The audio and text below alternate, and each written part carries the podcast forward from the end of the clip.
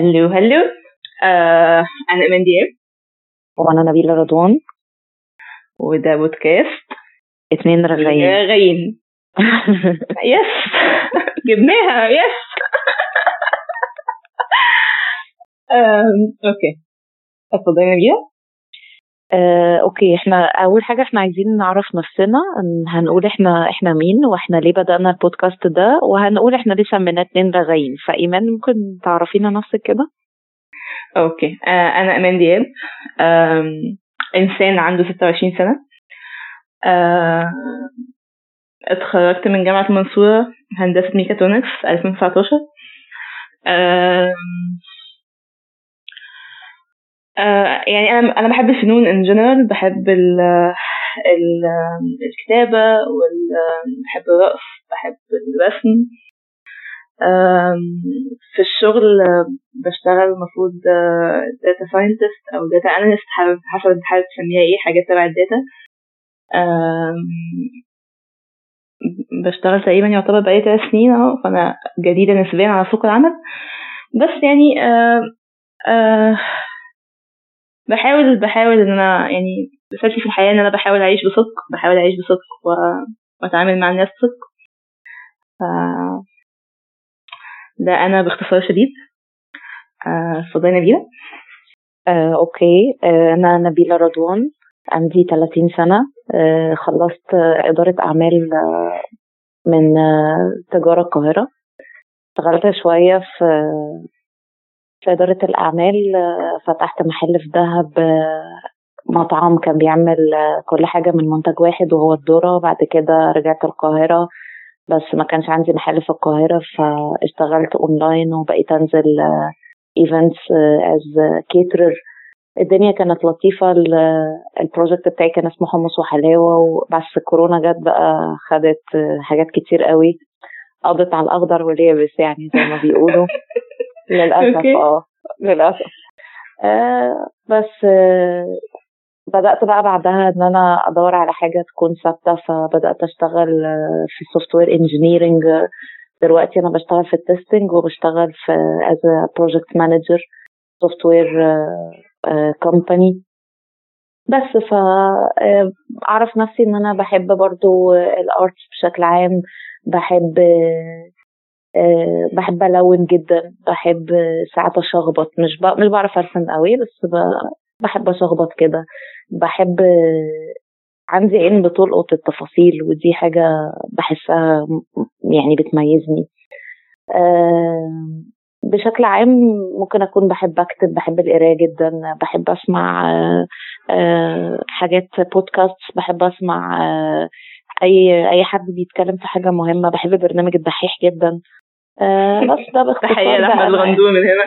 آه تحية لأحمد الغندور. يعني نتمنى إن شاء الله يعني دي أول حلقة من حلقاتنا. نتمنى إن إحنا في يوم من الأيام نقدر نجيب معانا أحمد الغندور في في حلقة من حلقات بودكاست اتنين رغايين أتمنى يعني. That would be amazing. Yeah. يعني لو عرفنا من كده هتبقى حاجة جميلة. طيب إحنا عايزين نقول إحنا ليه سمينا البودكاست اتنين رغايين وعايزين نقول إحنا ليه أصلا هنعمل بودكاست؟ فايمان ممكن تقول لنا إحنا ليه هنعمل بودكاست؟ أو ليه قررنا؟ ممكن نحكي للناس إحنا ليه قررنا نعمل بودكاست؟ okay okay okay. الموضوع ده أنا بحب أحكيه فا okay. يعني الطلعة دي عندي؟ okay. اتفضل. okay. أنا أنا في حياتي بقابل ناس كتير والناس دول ناس interesting ناس كل حد على حدة بقعد معاه بنخوض مناقشة بتبقى interesting جدا بيبقى بنقول كلام بنبني حاجات بنبني أفكار فوق بعض. أنا بقول حاجات وهما بيقولوا حاجات بنشارك ال experience بتاعتنا وبحس إن ده بيبني حاجة وبيبني حاجة فكرية جوايا بيغير حاجة جوايا بس كنت بلاحظ إن دايما يعني دايما اللي هو الحاجات دي بتفضل ما بيننا اللي هو ما, يعني ما حدش بيعرفها. اللي هو مثلا ببقى بتكلم مع حد وابقى عاوزه أستشهد بجملة قالها فلان مش عارف في إيه فاللي هو أنا ناسية الجملة ويعني ولو كلمت الشخص ما مش هيفتكر إحنا كنا بنقول إيه أصلا.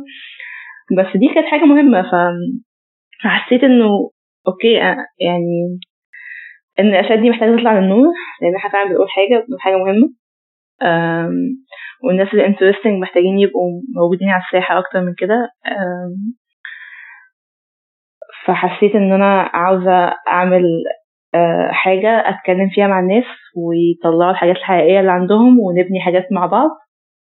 واتكلمت مع نبيلة في الفكرة ونبيلة يعني like يعني أعجبت جدا بالفكرة فهسيبها بقى تحكي ال part بتاعها.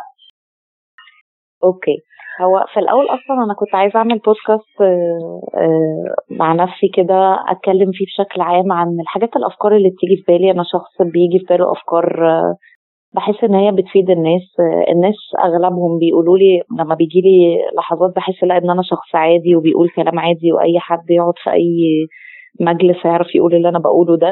بس لا كان في ناس بتقول لي إن أنا لا أنا بقول كلام في الجون وبقول كلام يعني في محله وفي الوقت بتاعه. بعرف إمتى أقول حاجات معينة بعرف إمتى اسكت مع ان أنا أصلا شخص رغاي جدا. بس الناس كانت بتقولي ان أنا بعرف إمتى اسكت وأعرف إمتى اتكلم. آه أنا فاكرة في حاجة هقولها دلوقتي shared يعني بيني وبين إيمان. إن كان كان في مرة آه هي دخلت في الشات بعتت لي كانت أول message خالص تبعتها لي في الشات قالت لي نبيلة شكرا إنك كنت بت validate ي آه، مشاعري في الوقت ده وشكرا إنك كنت مركزة إنك تتكلمي بس عن الحاجات المهمة بالنسبة لي. فإيمان واحدة من الناس برضو اللي كانت بت بتحط سبوت على الحتة دي عندي وتقولي إن أنا بعرف أقول ده. أنا ببقى عارفة ده عن نفسي بس نبقى محتاجين الناس تفاليديت ده شوية. آه، فالناس بتقول إن أنا بقول كلام في الجون. أنا عارفة إن أنا في حاجات بقولها بتساعد مع إن أنا في أوقات بحس إن أنا ممكن ما بساعدش اللي قدامي غير إن أنا بسمعه وبقدم له حلول. هي تكاد تكون عادية جدا بس الناس بتقول إن هي مش حلول عادية. الناس كمان بتقول إن هي حلول آه أنا شايفاها عادية عشان أنا بعرف أعملها بس هي مش عادية لأن مش كل الناس بتعرف تعملها. أنا اكتشفت ده فعلا مؤخرا.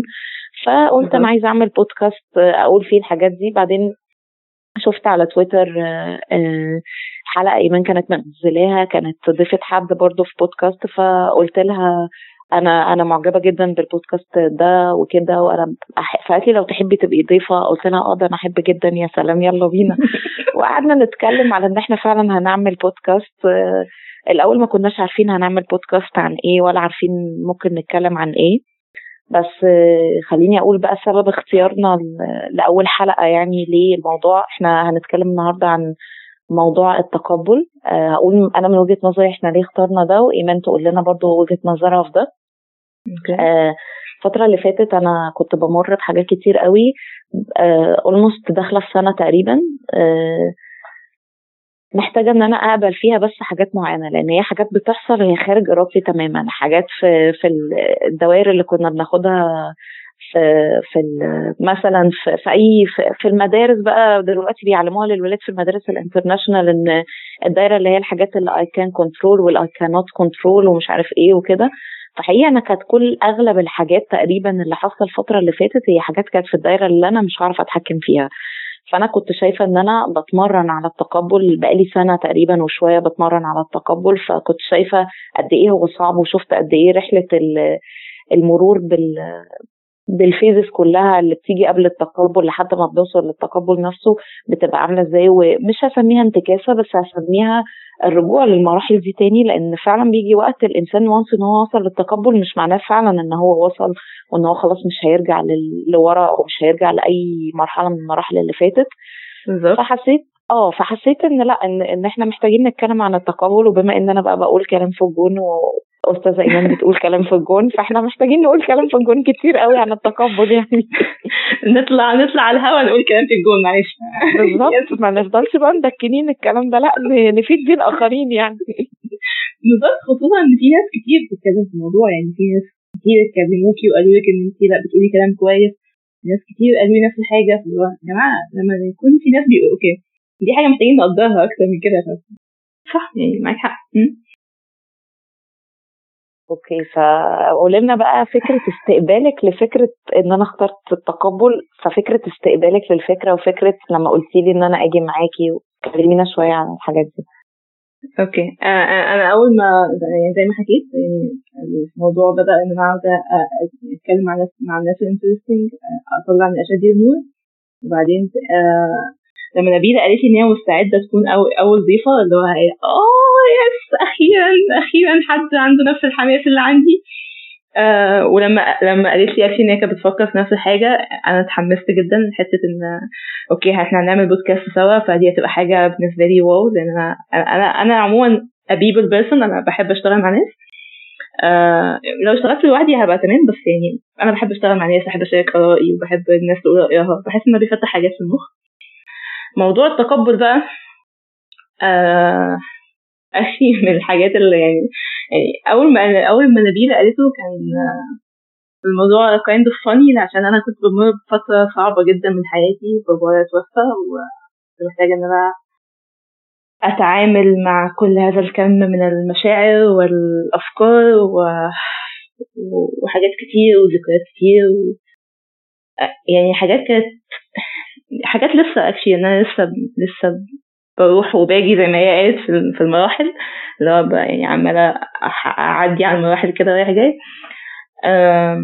في حاجات كانت تقيلة وكان كان شوية فايدني إن okay كان في رحلة زي ما نبيلة قالت برضه رحلة طويلة كنت بتعلم فيها إزاي إزاي الشخص يعدي على مراحل التقبل وازاي يلقط نفسه هو جوه المرحلة عشان دي حاجة مهمة. بس طبعا إنك تتعلم حاجة وإنك ت apply في الواقع حاجة خصوصا حاجة تقيلة زي الموت وخصوصا لما يكون حد قريب منك قوي قريب في ال يعني أنت بت interact معاه كتير.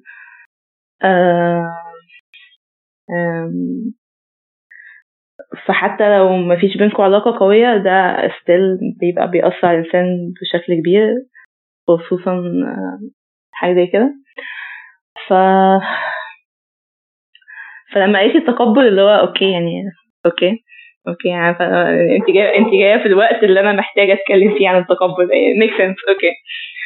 فأكيد وإحنا بنجهز الحلقة نبيلة رشحت لي حاجات من الحاجات اللي ساعدتني إن أنا يعني أعدي مراحل معينة. طبعا المرحلة أنت بتعدلها وترجع لها تاني بس يعني ترجع لها بشكل مختلف وترجع لها وأنت إنسان مختلف. فبتكون قدمت خطوة مش مش رجعت لورا. فحسيت إن الحلقة جاية في أنا أنا بحب أطلع أتكلم من قلبي من من حاجة أنا بمر بيها فعلا مش هطلع أتكلم عن موضوع بره عني خالص. فالتقبل حاجة أنا ب struggle معاها دلوقتي فت make sense إن إحنا نقدر نتكلم عنها. فكنت متحمسة أول ما لقيت التقبل اللي هو okay إحنا محتاجين نتكلم عن ده فعلا. آه سبب بقى تسمية البودكاست اتنين رغايين. لسه أسألك. أنا ثينك جدا. okay. كنت لسه أسألك يا ترى إيه السبب بقى؟ okay طيب تحبي تقولي ولا ولا تحبي أنا أقول؟ لا الطلعة دي بتاعتك. عيب. okay. طيب okay. آه يعني أنا أعرف إيمان بقالي تقريبا سنة وشوية أكتر من سنة.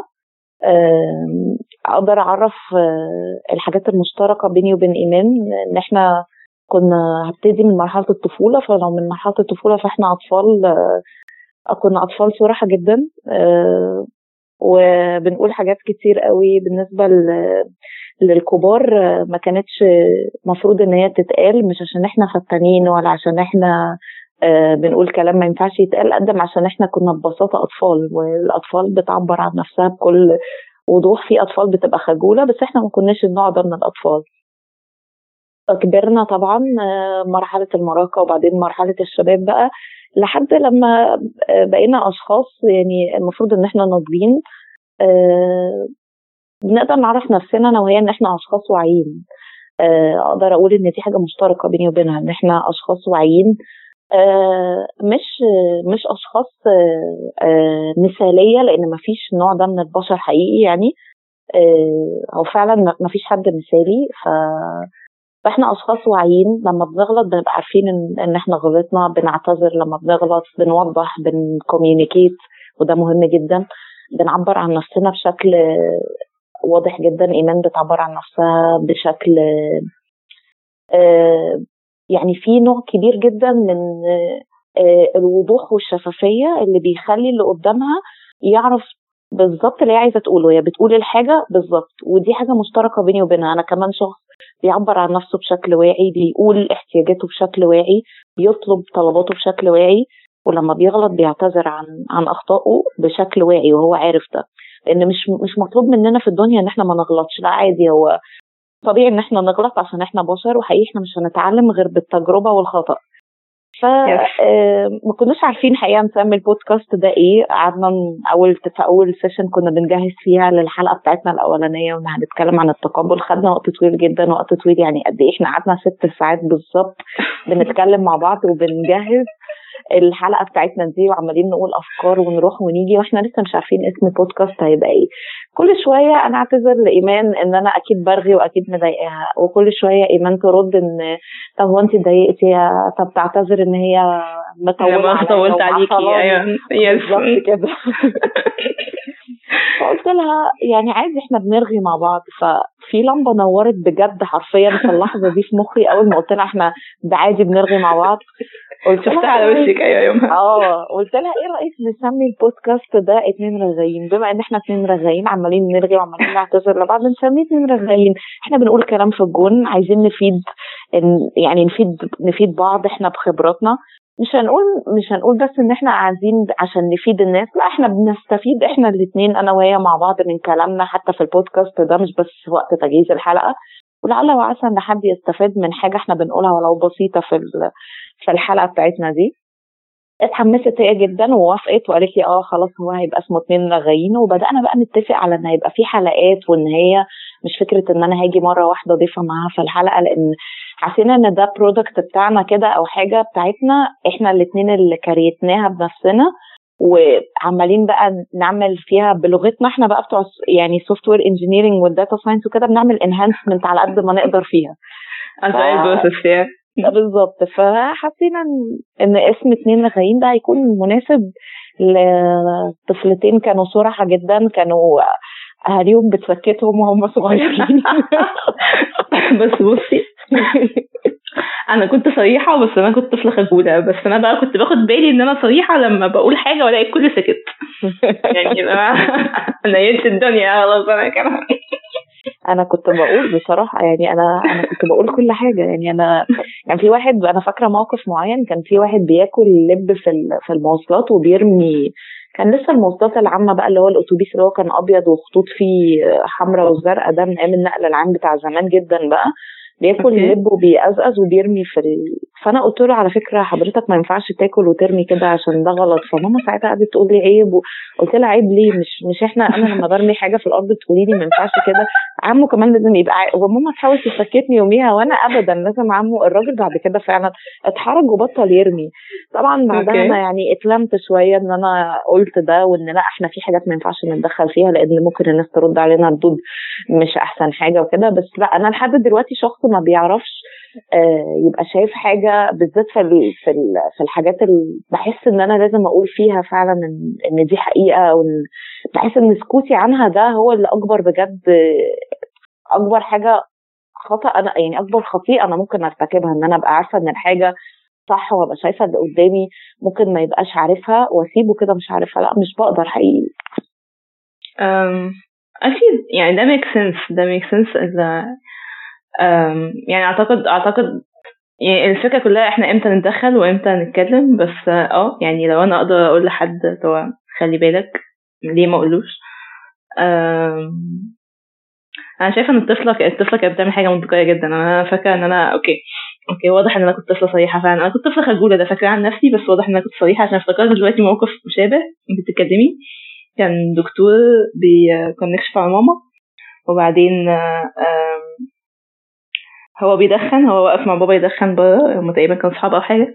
فأنا قلت له هو أنت دكتور إزاي بتدخن؟ okay. هو محدش محدش اتعامل بعنف في الموضوع محدش لمني. بس عارفة اللي هو هو رد عليا رد طبيعي جدا اللي هو يعني اللي هو اللي هو عادي مش معنى أنا عارف إن حاجة غلط أنا مش هعملها. اللي هو what what يعني إيه؟ يعني إيه اللي أنت بتقول؟ أنا مش قادرة أفهم كطفلة مش قادرة أستوعب. يعني إيه إحنا بيقولوا لنا صح وغلط والغلط ما بتعملوش معروفة يعني بس ما كنتش قادرة أستوعب. ان دي حاجة موجودة في الدنيا الناس بتبقى عارفة إن حاجة غلط وبرضه بتعملها. لأسباب تانية. ما, ما كنتش قادرة ده فكرة حديثة جدا عليا. اتعلمتها لما كبرت. okay. آه. فبس يعني انت فكرتيني بالموقف ده لأنه الموقف ده من المواقف المضحكة اللي بيستخدموها ضدي في القعدات العائلية. okay. إحنا إحنا متأكدين إن في حاجات كتير قوي إحنا بنعملها صح ومع ذلك الناس برضو بتستخدمها ضدنا بس إحنا بنبقى عارفين إن هي صح. يا يعني ده, ده كان سؤال valid جدا. يعني السؤال ده كان valid وال وال وال واللي قلتيه لعمه كان valid يعني إحنا كأطفال شايفين ان الحياة ماشية بطريقة معينة. ف... فإحنا بنتساءل بنتساءل وده طبيعي. ليه ليه ليه العالم اللي بره مش شبه الصورة اللي في دماغي؟ ده make sense بالظبط. وإحنا كده مش على فكرة وإحنا أطفال مش هنبقى بنستكشف لو ما عملناش حاجات شبه كده. مش بقول إن كل الأطفال المفروض يعملوا كده بس جزء كبير من إن الأطفال بيبقوا بيتعلموا حاجات عن اللي حواليهم هم إن هم بيستكشفوا وبيسألوا.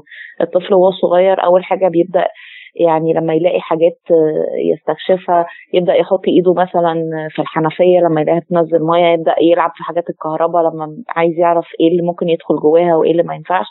الحقيقة ان الأطفال فعلا علشان بيستكشفوا الدنيا اللي حواليهم هم فعلا لو اتسابوا هم هيموتوا نفسهم. يعني الطفل لو اتساب لنفسه كده هو فعلا هيموت نفسه. بس هي فكرة بقى إن أنا كجود بيرنت إن أنا أبدأ أعمل إيه؟ إن أنا أبدأ إن أنا ألحقه. في حاجات معينة فعلا أبدأ ألحقه فيها. لو هو هيأذي نفسه جامد لأ أحاول أمنعه. وفي حاجات لو هيتعور تعويرة صغيرة أسيبه يتعور عشان يتعلم. لكن مش حاجة حلوة برضو إن أنا أمنع عن عن الطفل كل حاجة ممكن تأذيه. ده على فكرة دي حاجة مهمة قوي ناقشها فيلم نيمو. للناس اللي بتحب تتفرج على أفلام كرتون آه فيلم نيمو كان جايب لنا فعلا ال good parent اللي هو بابا نيمو آه كان اسمه مرهف. وهو فعلا كان مرهف على نيمو علشان حس بالذنب إن هو بقى مسؤول عن البيضة الوحيدة اللي موجودة اللي اتبقت بعد لما حصل الهجوم من من القرش على يعني مرات مرهف وعلى بقية الأسماك. فهو مسؤول عنه إن هو يحميه ومش عايز يخرجه ومش عايز يوديه المدرسة. كل سنة بيأجل مرواحه المدرسة. كل سنة مش عايز يخلي نيمو يطلع يتفرج على العالم الخارجي. الحقيقة إن هو ده مش الصح. وهو ده دي حاجة من الحاجات اللي أنا بحب قوي أفلام ديزني و وبيكسار وكده إن هم بيناقشوا الحاجات دي. آه yes. إن جزء كبير فعلا مش إن أنت تمنع الطفل إن هو معمل هو سيبه يتعور وسيبه يتعلم شوية حاجات بس فعلا لما يجي عند الأخطار الكبيرة قوي لا امنعه وامنعه بسبب وجيه مش مش إن أنت تمنعه عشان غرض بغرض المنع وخلاص. لا ما أنا مش ببقى شايفة إن ده valid خالص إن إحنا نعمله مع الأطفال بالعكس أنا ببقى عايزاهم يجربوا وأنا معاك جرب وأنا في ظهرك ولو في حاجة أنا معاك وهنحلها مع بعض. بحس إن ده ال ده ال ده ال ده ال أقولها لك إزاي؟ يعني ده اللي بيبقى فعال أكتر للأطفال. بالظبط يعني حتى أصلا يعني okay okay. هي دي حتة دلوقتي أنا مش فاهمة فيها قوي بس يعني لو لو أنا غلطانة ممكن حد يصحح لي عادي. يعني الطفل لما بيستكشف وهو حاسس إن أنت في ظهره وإن أنت معاه ده بيبقى أصلا هو بيستكشف وهو حاسس بالأمان. بالظبط. ده مختلف عن لما تحسسه لما تحسسه إن العالم مكان مخيف. فهو مش هيبقى بيستكشف هو هيبقى بيسرفايف لأن هو حاسس إن هو طول الوقت مهدد وطول الوقت في حاجة مهدداه. لأن أنت كبرت كل المخ يعني الطفل عنده خيال خصب بطبيعة الحال. معظم الأطفال عندها خيال خصب بتخاف من الأشباح وال... والحاجات اللي في الدولاب والضلمة. عشان مخهم شغال أكتر من الطبيعي أكتر من اللي بيحصل لما بنكبر فانت بتربي الخوف يعني انت بتزود الخوف عنده. فهو بيبقى طول الوقت بيحاول يسرفايف بيحاول يفضل عايش مش بيستكشف مش بيلعب. فانت بتحرمه من جزء مهم جدا جدا في إنه يستكشف نفسه ويستكشف العالم. آه وبتخليه يخوض التجربة دي كلها وهو كبير. بس ده بنشوف وبنشوف الناس حوالينا لسه بيستكشفوا العالم وهم كبار لأن هم فعلا ما كانش قدامهم فرصة يستكشفوا العالم وهم صغيرين ما يعرفوش حاجة عن الدنيا. وأنا أنا بتعاطف مع الناس دي بشكل خاص لأن أنا من الناس دي. أنا أنا طفولتي كانت مليانة آه الكثير من ال ال القواعد وما تعمليش وما تروحيش وده ما ينفعش وده آه ده كتير أو ده آه خطر ده خطر قوي ما ينفعش تعمليه. آه وفاكرة فاكرة إن حصل موقف اكشلي ليه علاقة بالموضوع ده. أنا فاكرة إن وأنا صغيرة قوي ما كنتش بخاف من عناكب عادي. بس مره قابلنا عنكبوت كبير و... وأنا ليا أخ أكبر مني فهو ضربه بال... بال... بجزمه أو بحاجة والعنكبوت كان كبير قوي لونه اصفر وبعدين لما كنا بنحكي لماما قالت لنا في نوع من العناكب في نوع من العناكب اسمها عناكب سامة. آه. فاللي هو فأنا بقى جسمي خد العنكبوت السام ده وكبره في دماغي جدا وبقى عندي فوبيا من العناكب. آه. أنا فاكرة ده لأنه وأنا بحاول أحل الفوبيا بتاعتي من عناكب دورت كويس جدا إن إحنا ما عندناش عناكب سامة في مصر. مفيش حاجة اسمها كده. أوكي. فالخوف اللي اتربى جوايا ده ما كانش منطقي أساسا. يعني يعني يعني آه كان ممكن نقول إن الحشرات يعني كان ممكن كان ممكن يتقال لي إن آه ما حاولش أقرب من الحشرات لأن الحشرات مش ألطف حاجة إنك تقرب منها. بس يعني في خوف اتربى جوايا كده يعني ما كانلوش داعي ما كانش يعني كان ممكن أعدي من غيره عادي. والأطفال بتستقبل الحاجات دي بشكل مختلف يعني أحمد سمع نفس الحاجة أخويا. بس عادي ما ما اهتمش ما تأثرش.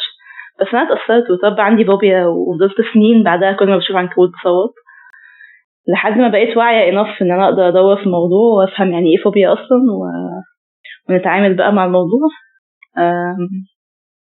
فآه أنا أنا مع نبيله في اللي بتقوله مش المفروض ابدا نخوف الأطفال إنهم يستكشفوا العالم المفروض نبقى معاهم إنهم يستكشفوا العالم. يخليهم يستكشفوا العالم بأمان. دي حاجة مهمة. بالظبط. ده هيودينا وليه بقى كمان التقبل مهم؟ يعني ليه اللي إحنا بنقوله ده ريليتد بالتقبل وليه التقبل مهم؟ لأن مش كل الحاجات اللي هتحصل للولاد أو هتحصل لينا إحنا بقى كأشخاص المفروض إن إحنا كبار وناضجين هتبقى على هوانا أو هتبقى على مزاجنا. يعني لو في فيلم نيمو هو ما كانش عايز نيمو يتعرض لأهوال وأخطار هو نيمو واجه حاجات كتير صعبة جدا. هو لو كانت جت في مخ مرهف أصلا إن ممكن في يوم من الأيام نيمو يعدي ده هو فعلا ما كانش هيخرجه خالص وكان هي هيتأكد إن هو حبسه لأن هو نيمو خرج يعني من وراه وهكذا. كان هيتأكد إن هو يحبسه وما يخرجوش. فعلا. بالظبط. ليه جزء بقى من إن إحنا اللي إحنا قلناه ده مهم جدا أو بيساعد على إن التقبل مهم. الحقيقة إن التقبل مهم لأن إحنا فعلا في حاجات هتعدي علينا مش هنبقى عارفين نعمل فيها أي حاجة غير إن إحنا نقبلها. زي إيه؟ زي زي ما إيمان قالت من شوية إن موت مثلا حد غالي علينا أو موت شخص حتى لو هو مش قريب مننا.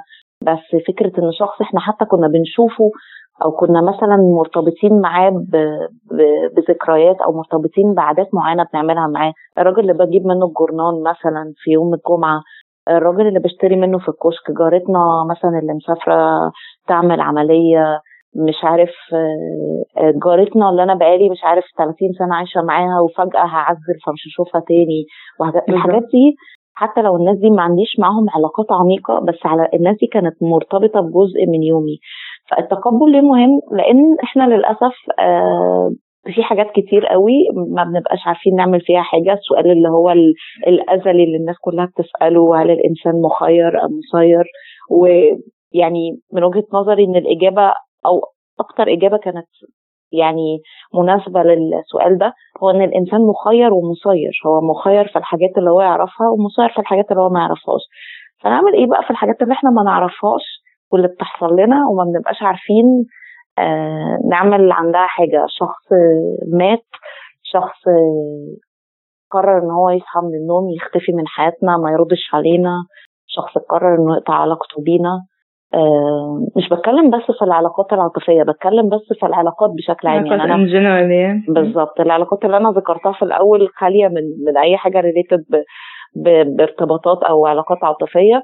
بس برضه لو هننكلود برضه العلاقات العاطفية فالعلاقات بشكل عام شخص فجأة قرر إن هو آه يسافر شخص قرر إن هو يهاجر نعمل إيه في الناس اللي بتقرر إن هي تكمل في طريق حياتها وان إحنا ما بنبقاش جزء من طريق حياتها اللي هي قررت تمشي أو تكمله ده.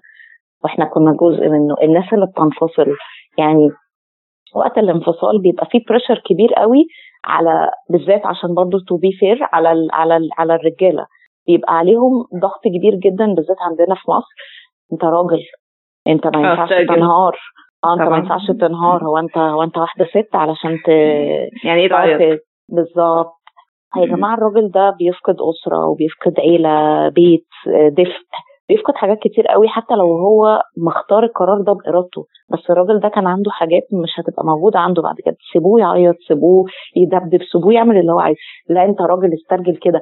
في الموقف نفسه هو عامة مش فكرة بس يسترجل بس في الموقف نفسه فعلا ياخد القرار كإنسان واعي وناضج إن هو فعلا يخلص الإجراءات ما يسيبش مثلا آه طليقته بقى هي اللي تتسحل في المحاكم أو الحاجات دي. مثلا يعني هو جه في بالي دلوقتي موضوع الانفصال بس ده عشان أكتر حاجة بجد إحنا بنعلم فيها الراجل وبنقول له أنت أنت إزاي لازم تبقى قاسي؟ مش إزاي تبقى إنسان لأ بنقول له دي حقيقة. انت لازم تبقى شخص قاسي. أنت ما تعيطش أنت ما تنهارش أنت مش ضعيف يا جماعة لأ عادي it's okay إن هو يحصل. ده جزء كبير جدا من ال phases اللي إحنا هنت... يعني إحنا هنتكلم عن أكتر واحدة فيهم مهمة من وجهة نظرنا. أو يعني من وجهة نظري أنا شايفة هم كلهم مهمين بس التقبل مهم لأن أنا شايفاه صعب جدا. إن إحنا حتى لو شخص بيعزل وبيروح بيت تاني فهو مختار بإرادته إن هو يعزل على فكرة. بس هو بيفقد جيرانه وبيفقد المكان اللي اتربى واللي عاش فيه. بيفقد آه روتين يومه اللي كان ماشي بطريقة معينة وهيمشي بطريقة تانية. إنه كان بيركب مواصلات مثلا معينة بيقابل ناس معينة عنده ناس بيقضي معاهم وقت معين في المناسبات بيجوا مش هيقدروا يجوا مثلا لو هو عزل وراح مكان تاني. الناس اللي بتقرر إن هي تسافر إن هي تهاجر أو تشتغل بره وبتسيب أهلها وبتسيب المكان اللي هم كانوا عايشين فيه طول حياتهم حتى لو هم اللي مختارين ده بإرادتهم. قبول حاجة زي كده صعبة جدا حقيقي وتقيلة على أي شخص إن هو يقبلها. ف... بالظبط بالظبط مش معنى إنك اخترت اختيار معين إن أنت مش ب... أنت بتاخد الجوانب الإيجابية بتاعته بس أنت كمان بتاخد الجوانب السلبية. مفيش حاجة اسمها إنك تتجنب الجوانب السلبية. مفيش حاجة اسمها كده. لا. أتفق ف... معاكي في الراي okay قولي لنا ليه التقبل مهم؟ أنا أنا قلت انت متفقة معايا في الرأي ده بس هل عندك حاجة معينة عايزة تقولي لنا ليه التقبل مهم ليه إحنا هنتكلم عنه أو ليه بدأنا نتكلم عنه already ليه التقبل مهم؟ آه... okay. أنا شايفة من وجهة نظري يعني كل اللي انت قلتيه أنا متفقة معاه. آه بس كمان كمان عشان هو آه أكتر حاجة مؤلمة. It, it is very painful. وعشان تعدي عشان يعني في الغضب والحزن الناس بت بتسكن لك كلامك بت زي ما تكون كده اللي هو إيه يعني بتعيط فبيجوا لك مناديل بيضغطوا عليك بيدوك مسكن. بس في التقبل زي ما تكون كده اللي هو إيه عملت حادثة و و... و... وإيدك اتشرخت. وانت خلاص إيدك هتبقى كويسة يعني مش هتبقى وحشة بس انت الشرخ ده هيفضل معاك طول حياتك. فانت you are living with something ف فهي أصعب حاجة على الدماغ إن هو يتقبل إن ده حصل أصلا إنه إن التغيير ده هو أنا مضطرة أتعامل معاه طول حياتي.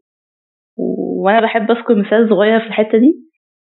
وإحنا أطفال لما بنختبر جسمنا الجسم أصلا بيتغير بسهولة ف فلما بيحصل لنا كسر مثلا أو حاجة غالبا مش بتعلم فينا مش بتعلم في جلدنا مش بتعلم فينا يعني غالبا لما بيحصل لك حاجة وأنت طفل أنت فعلا بيحصل لك full recovery آه بس وأنت كبير ده ما بيحصلش. أنا وأنا بقطع السلطة في, في أحد يعني في, في أحد سنين مراحل المراهقة آه عورت صباعي. ما كانش جرح خطير خالص كان جرح عادي جدا وكان manageable يعني. و... وأنا صباعي حاليا زي الفل والدنيا تمام بس أنا أنا قادرة أميز مكان الجرح فين؟ في إيدي. لأن جسمي اتغير بتغير معين والتغير ده مش reversible يعني أنا مش هرجع زي ما كنت. وأنا محتاجة أتعامل مع ده. ودي من الحاجات اللي لما كبرت شوية خلتني أخد بالي إن أنا كان عندي مشاكل في التقبل من زمان قوي okay. ده الموضوع كان قديم. آه بس بس بما إننا اتكلمنا عن التقبل كتير ف نبيل أنا أحب أسمع وجهة نظرك في الموضوع. تفتكري إيه تعريف التقبل بالنسبة لك؟ okay. آه هو تعريفي للتقبل هو إن إحنا آه نسلم. نسلم إن إن في حاجة بتحصل وأنا مش هيبقى ليا دخل فيها.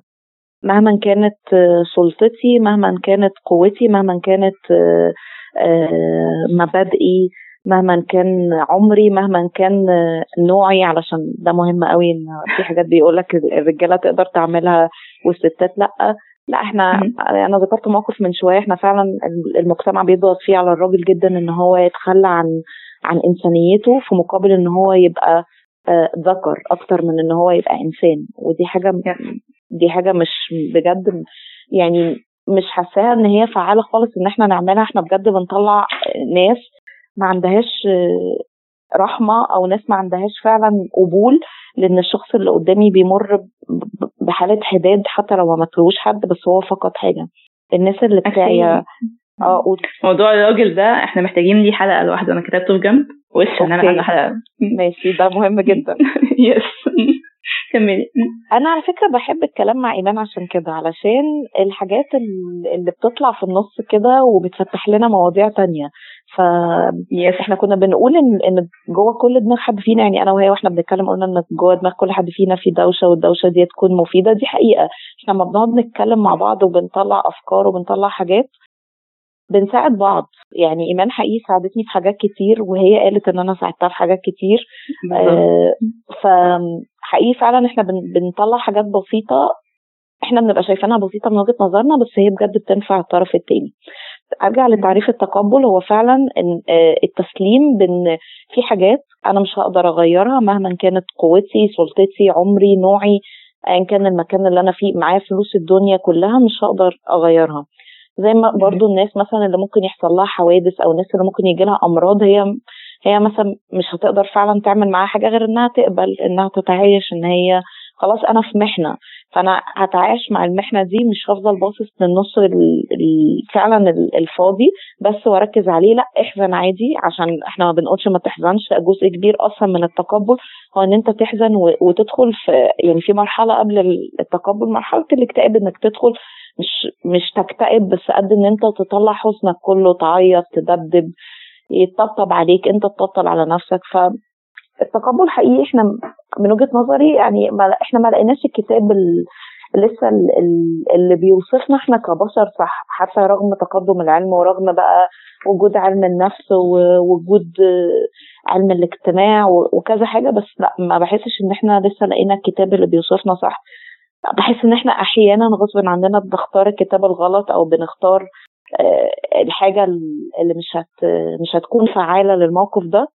ونقف بقى ودماغنا تكربس كده عند حتة هو إزاي أنا ما فهمش الكتاب يعني؟ يعني إزاي أنا ما فهمش الكتاب؟ هو أنا أيوه يعني إيه؟ بنستكبر بنستكبر إن إحنا نغلط بنستكبر إن إحنا لما جلد الذات بقى بياخد حقه بقى معانا. وأنا أعرف نفسي إن أنا شخص حقيقي يعني كنت لحد فترة قريبة. بيجلد نفسه كتير قوي. أه بتعلم دلوقتي إن أنا أقلل جلد الذات لأنه حقيقي ما بيفيدنيش في حاجة. بالعكس هو بيزود المشكلة أكتر. ف فالناس اللي بتجلد نفسها كتير قوي عن فكرة اللي هو هو أنا إزاي أغلط؟ أنا إزاي أعمل كده؟ أنا إزاي إزاي إزاي مثلا ما تصرف ما أنا لو كنت عملت كذا كان مرحلة المساومة بقى. ما أنا لو كنت عملت كذا كان ممكن يحصل كذا. جزء مننا جزء مننا محتاج يقبل إن اللي حصل حصل خلاص. هي في حاجة حصلت أنا مش راضي عنها أنا غلطت مثلا أو في حاجة حصلت حتى لو أنا ما عملتش فيها حاجة وماليش ذنب هي حاجة حصلت خلاص. تعاملي بقى مع اللي جاي ده هيبقى إزاي؟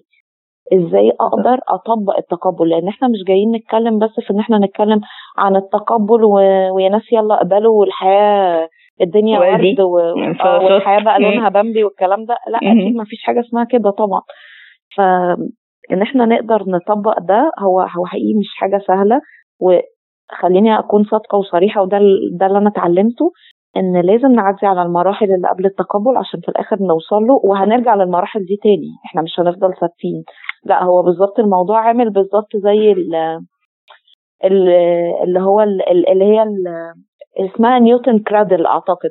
إن هي بالظبط أنت كل ما هتشيل حاجة وتوديها في الكورة وتوديها تضرب الكور التانية حتى لو okay. رجعت مكانها هي هترجع ترجع الكور تتحرك تاني لحد ما تثبت خالص في وضعية ثابتة ومحدش يحركها. الوضعية الثابتة دي على البشر إن مفيش حاجة تحصل وده مش طبيعي. إحنا كل يوم معرضين إن يحصل لنا حاجات بإرادتنا باختياراتنا وحاجات بره. اختيارنا أنت كل يوم بتسبح في بحر من التغيير بيبدأ من إنك أصلا صاحي تشوف درجة الحرارة كام النهارده يعني حاجات بسيطة زي كده. بس دي حقيقة. نقدر نطبقه إزاي يا إيمان؟ يعني إزاي نقدر نطبق التقبل؟ آه والله سؤال حلو. آم زي ما انتي قلتي التقبل ليه مراحل كتير قبلها وطبعا عشان مثلا أنا أنا أحب أشير معاكم إزاي المخ بيبقى مستعجل إنه يوصل للخط النهاية وأنا عاوز أعمل ده وأنا عاوز أنا عاوز أعمل حاجة بيرفكت أو عاوز أعمل حاجة بشكل كويس أو عاوز اعمل عاوز أكون كويس قوي في الحتة دي.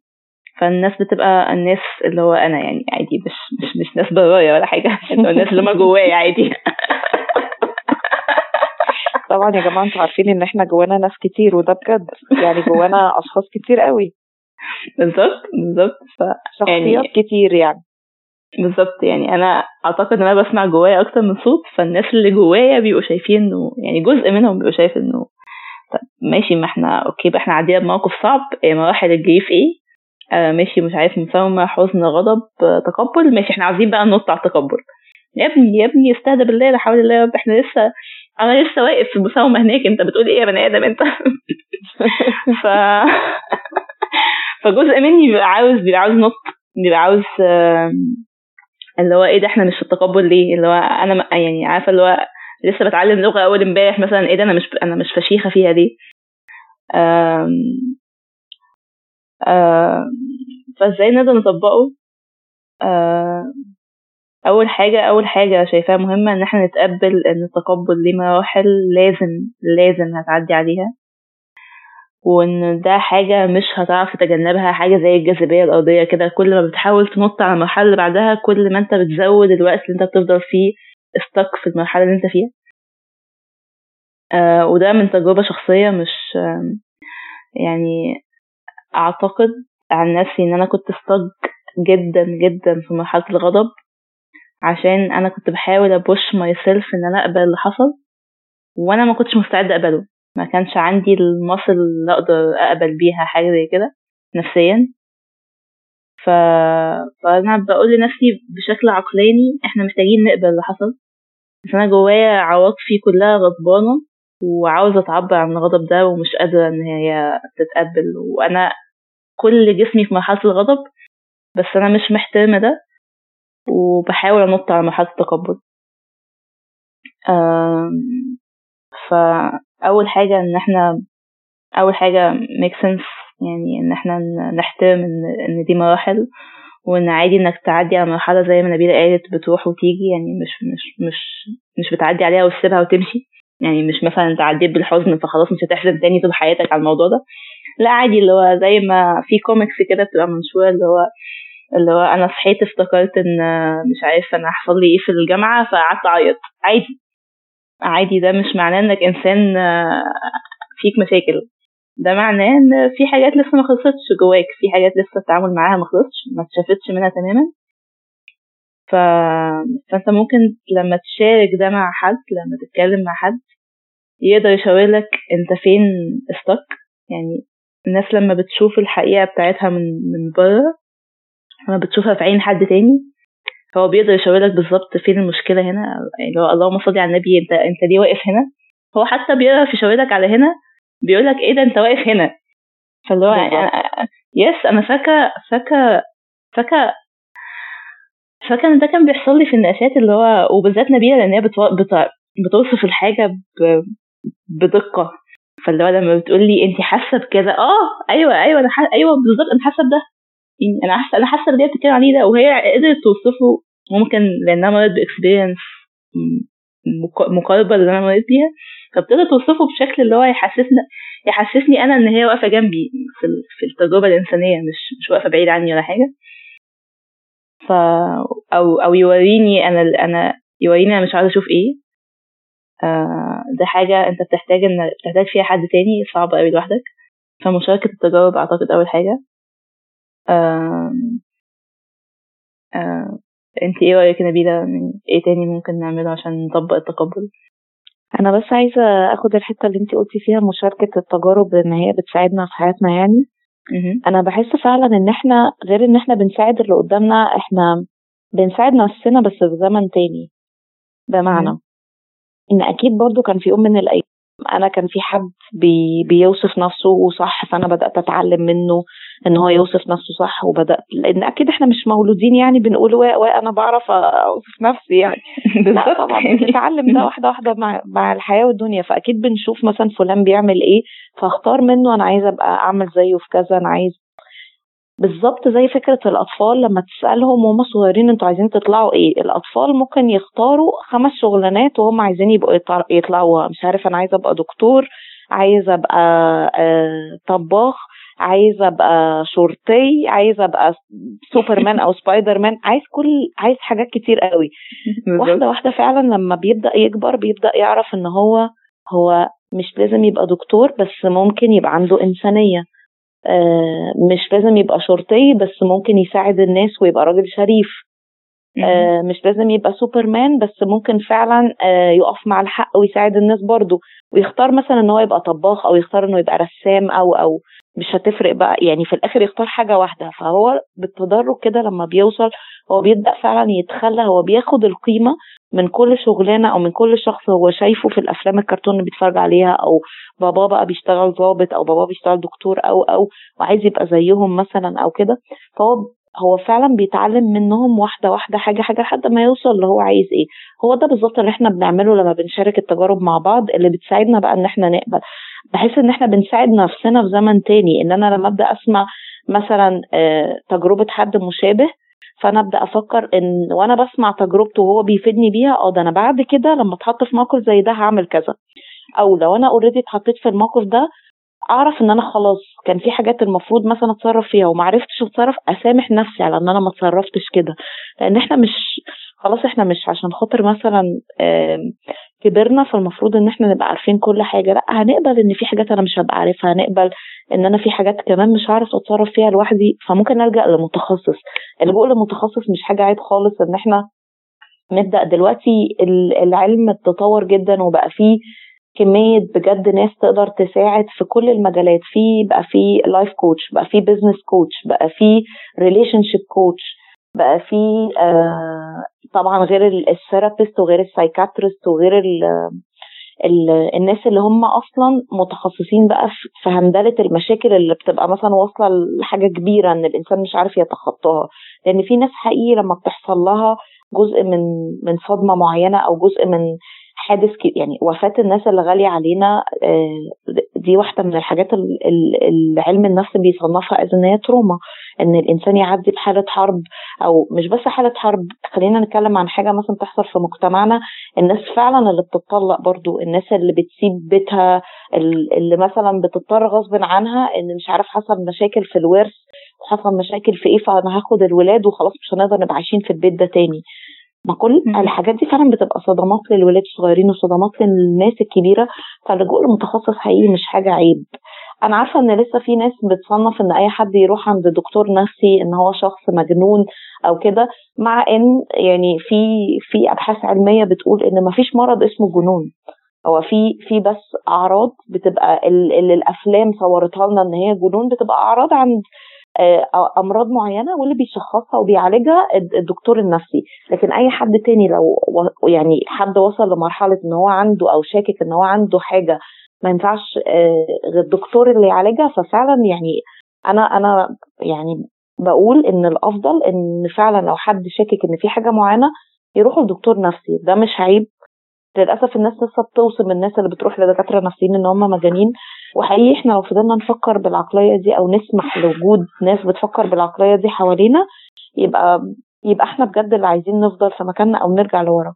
لأن الجزء يعني العقل أو النفس ده جزء على فكرة من الجسم اللي هو ما بيتعب زيه زي أي دكتور بنروح له. إحنا على فكرة خلاص بقى ما بقيناش لما نبقى عايزين الست تولد ما بنوديهاش عند الدايه كان حتى لسه مسلسل بالطو بيحكي عن حاجة زي كده يقول له وديها لداية القريه قال له ما هي داية القريه هي الممرضة اللي موجودة هنا.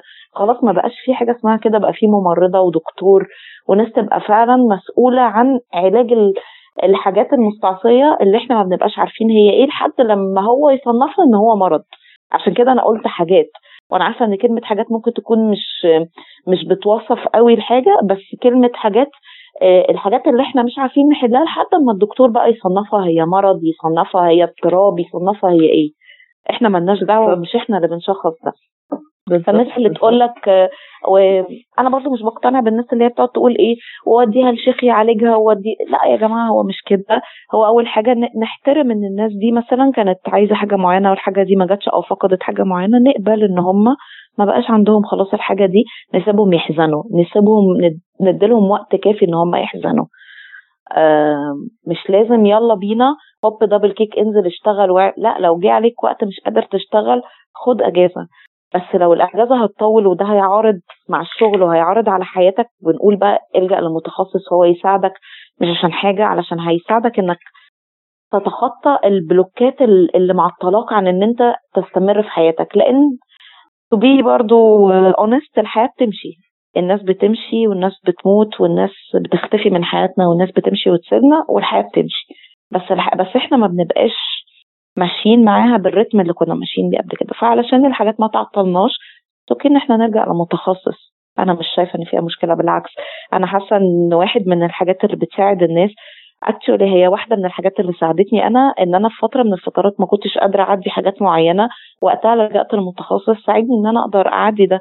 ودي حاجة أنا بقولها بفخر شديد إن أنا آه إن أنا خدت خطوة في حياتي ناحية إن أنا آه أشوف دكتور نفسي. actually أهمية الطب النفسي دي حلقة تانية. حلقة أخرى عن الموضوع ده يعني وعن إزاي الناس بتتعامل معاه والتابوهات اللي عليه. بجد بجد ده حلقة تانية. بس يعني okay. أنا مبسوطة إنك شاركتي الموضوع لأن لأن دي حلقة مهمة actually okay إحنا نسوق بقى لبودكاست زميل. يا جماعة أنا قلت رأيي في الموضوع ده قبل كده في الحلقة في بودكاست شباب المستقبل. آه اسمها يا دنيا طفيتي شمعي. كنت بتكلم فيها عن أهمية الصحة النفسية بس في مجال ال software. بس يعني آه عشان آه عشان ركاب على اللي قالته نبيلة أنا 100% معاها في اللي قالته. و واه يعني اللجوء لدكتور نفسي حاجة مش شيمفول بالعكس هي حاجة جميلة. حاجة جميلة إنك أنت قدرت تلقط إن أنت استك في حتة وإن أنت قدرت تدي لنفسك المساعدة اللي أنت محتاجها. وحاجة شجاعة إنك عرفت تدي نفسك المساعدة اللي أنت محتاجها في مجتمع مش قابل إن أنت محتاج المساعدة دي. أنت قبلت إنك محتاج مساعدة وقبلت إنك محتاج إن أنت هتاخدها بالطريقة دي. في وسط ناس مش قابلة ده أصلا. يعني أنا معاكي آه أنا أنا شايف إن الخطوة دي خطوة بريف آه لما جيت أعملها كانت تقيلة عليا جدا. آه فأنا فاهمة قد إيه دي حاجة صعبة إنك تعمل حاجة كل المجتمع بيقول لك إيه اللي أنت بتهببه ده. بس آه حرفيا نقلت حياتي حرفيا نقلت حياتي نقلة تانية. نقلت ادراكي النفسي وإدراك الناس اللي حواليا وإزاي أتعامل مع المشاكل. كل ده اترمى في حتة تانية. فما أقدرش ما أقدرش أقول أكتر من ان لا يعني الموضوع ده محتاج ان أنا ونبيلة كان حكي فيه على جنب لأن إحنا الاثنين عندنا تجربة في السري. ف ده محتاج محتاج حلقة ده المهم التغيير. يس التغيير, التغيير بقى. آه التغيير هو جزء منه في القبول بقى هو إن إحنا نقول أشياء حقيقية. أنا كان في جملة كنت مشهورة بيها وأختي كانت دايما بتتريق عليا فيها بهزار كده أقول لها سمي وإحنا مثلا نبقى بنشد أو بنتخانق أو كده فأقول لها لو سمحتي يا نوران سمي الحاجات بمسمياتها الصحيحة. فكانت في نص الخناقة تضحك ويعني وتقعد تقول لي أنت بتقولي إيه ونقعد بعد كده الخناقة تقلب بهزار وهكذا. أنا اتعلمت بقى في الثيرابي إن جزء من القبول والتغيير هو إن إحنا نسمي الأشياء بمسمياتها الحقيقية فعلا. هو إن أنا أقول إن إن أنا أقبل إن إن أنا مش هعرف أغيرها. أقبل إن هي بتتغير وأنا كمان هتغير معاها. حاجة برضو خدناها في ال therapy خدناها في ال class. حلوة خدناها في ال class فعلا. خدناها في, آه في ال therapy فعلا إن delivering bad news زي ما هي. فلان مات. مش هنقول ربنا افتكره. فلان ده آخر يوم ليه معانا في الشغل النهارده. مش هنقول آه خلاص إحنا مش هنشوفه تاني. فلانة مسافرة. مش هنقول مش هتبقى معانا خلاص. فلانة مهاجرة. مش هنقول هي هتغيب شوية حلوين. لا قول الجملة واضحة وصريحة زي ما هي. واقبل إن هي وأنت بتقولها أول أول جزء من القبول هو إن أنت بتسمعها وبتسمعها لنفسك زي ما هي. فهقول إن فلان ده آخر يوم ليه في الشغل النهارده. آه، فلان مات. فلانة سافرت. نقطة ومن أول السطر. هو ده ده جزء كبير جدا من من القبول. إن أنا أصلا بعد ما أكون عديت بقى بالمراحل اللي إحنا قلنا على على حاجات منها ودخلنا فيها إن أنا أقبل ده. عكس القبول حقيقي هو الإنكار. إن أنا أقبل إن الشخص ده مات في ناس بتبقى فعلا بتنكر إن الشخص ده مات فتلاقيها بتقول آه فلان مشي فلان ما بقاش موجود جزء منها لسه بينكر ده. بنحترم طبعا لأن الإنكار أصلا هي أول مرحلة من مراحل الجريف بالظبط. فبنقبل إن إحنا في جزء منه هنفضل في الإنكار بس مش هينفع نفضل عايشين طول حياتنا في الإنكار. لو فضلنا طول حياتنا عايشين في الإنكار يبقى إحنا حقيقي ما بنتقدمش وحقيقي هنبقى بنضحك على نفسنا وحقيقي هو فكرة إن الإنسان يبقى بيضحك على نفسه هي سهلة وحلوة جدا على فكرة بس حقيقي هي ما بتفيدش خالص بالعكس هي بتعطل. هي حلوة في الشكل ولكنها حلوة في الشكل نفس حلاوة المخدرات كده. المخدرات حاجة جميلة بس إحنا ما, بن... ما بنجربهاش عشان ما ندمنش عشان هي حاجة مؤذية. ف... بالظبط. فالإنكار حاجة شبه المخدرات هي حاجة جميلة أول مرة بتاخدها أول مرة بتعملها. بس لما بتفضل تعملها على طول على طول على طول. فانت انت انت في حتة انت واقف في مكانك رافض انك تمشي مع الحياة اللي بتمشي زي ما نبيله قالت. فهو أول حل بقى للقبول برضو بعد إن أنا أسمي الحاجات قلنا أو إن أول حل هو إن أنا أسمي الحاجات باسمها الصح. تاني حاجة بقى هو تبطيل المخدرات أو خلينا نقولها المسكنات. هو تبطيل المسكنات فعلا.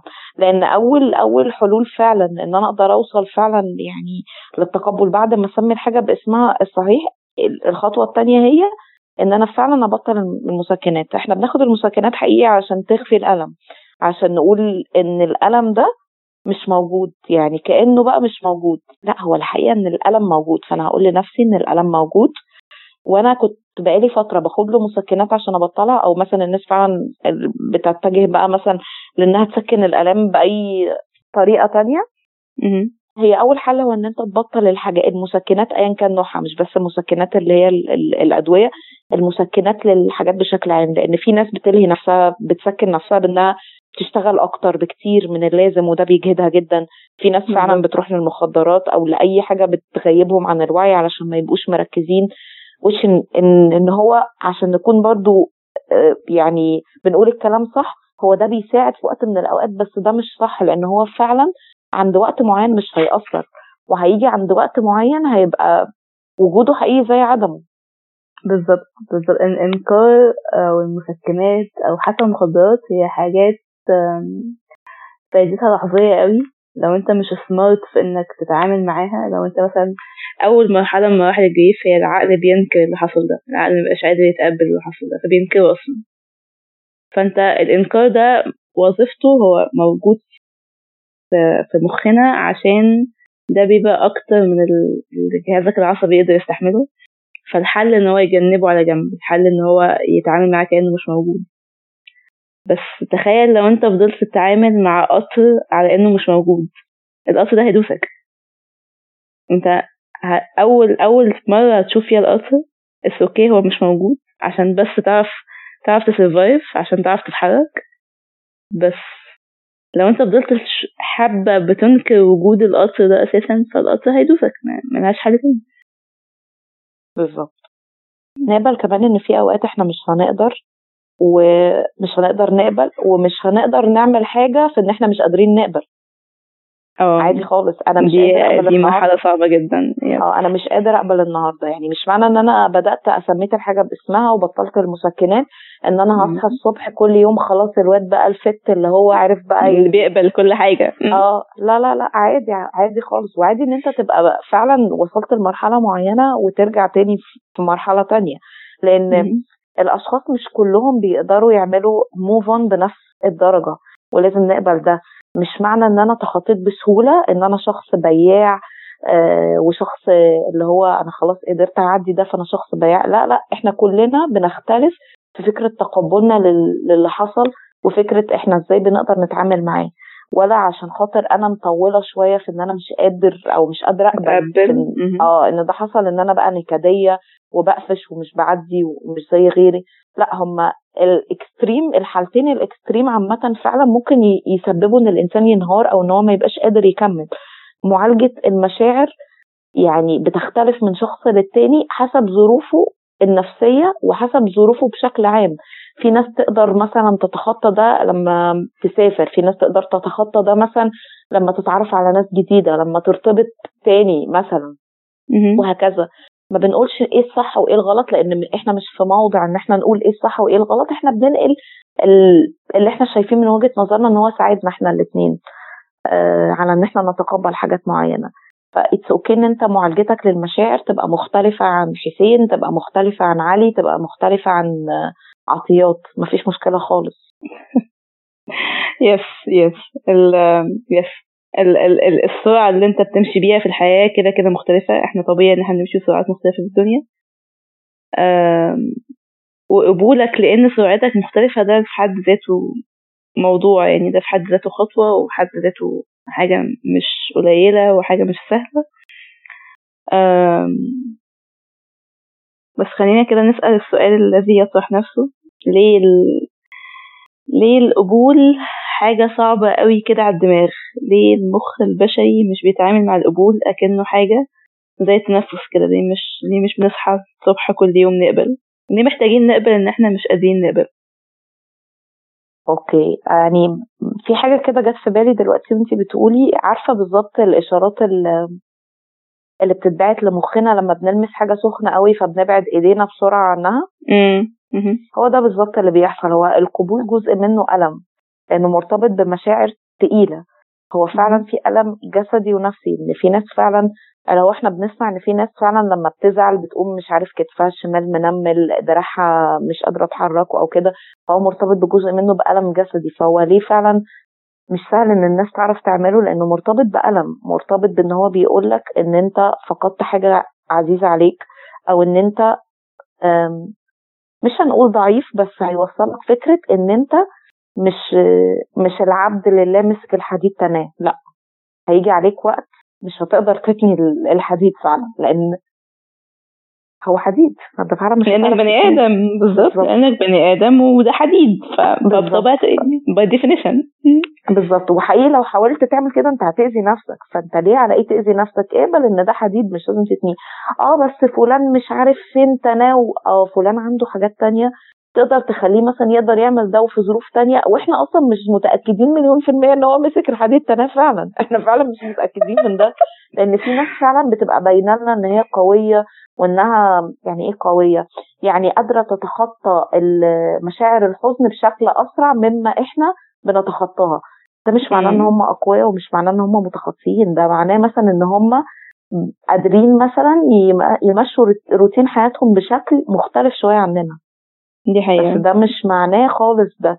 لازم لازم كمان نقبل إن إحنا زي ما قلنا إن إحنا عشان نوصل للتقبل هنعدي على مراحل صعبة جدا مرهقة وتقيلة وقاسية مش جوه بقى ال grief phases نفسها.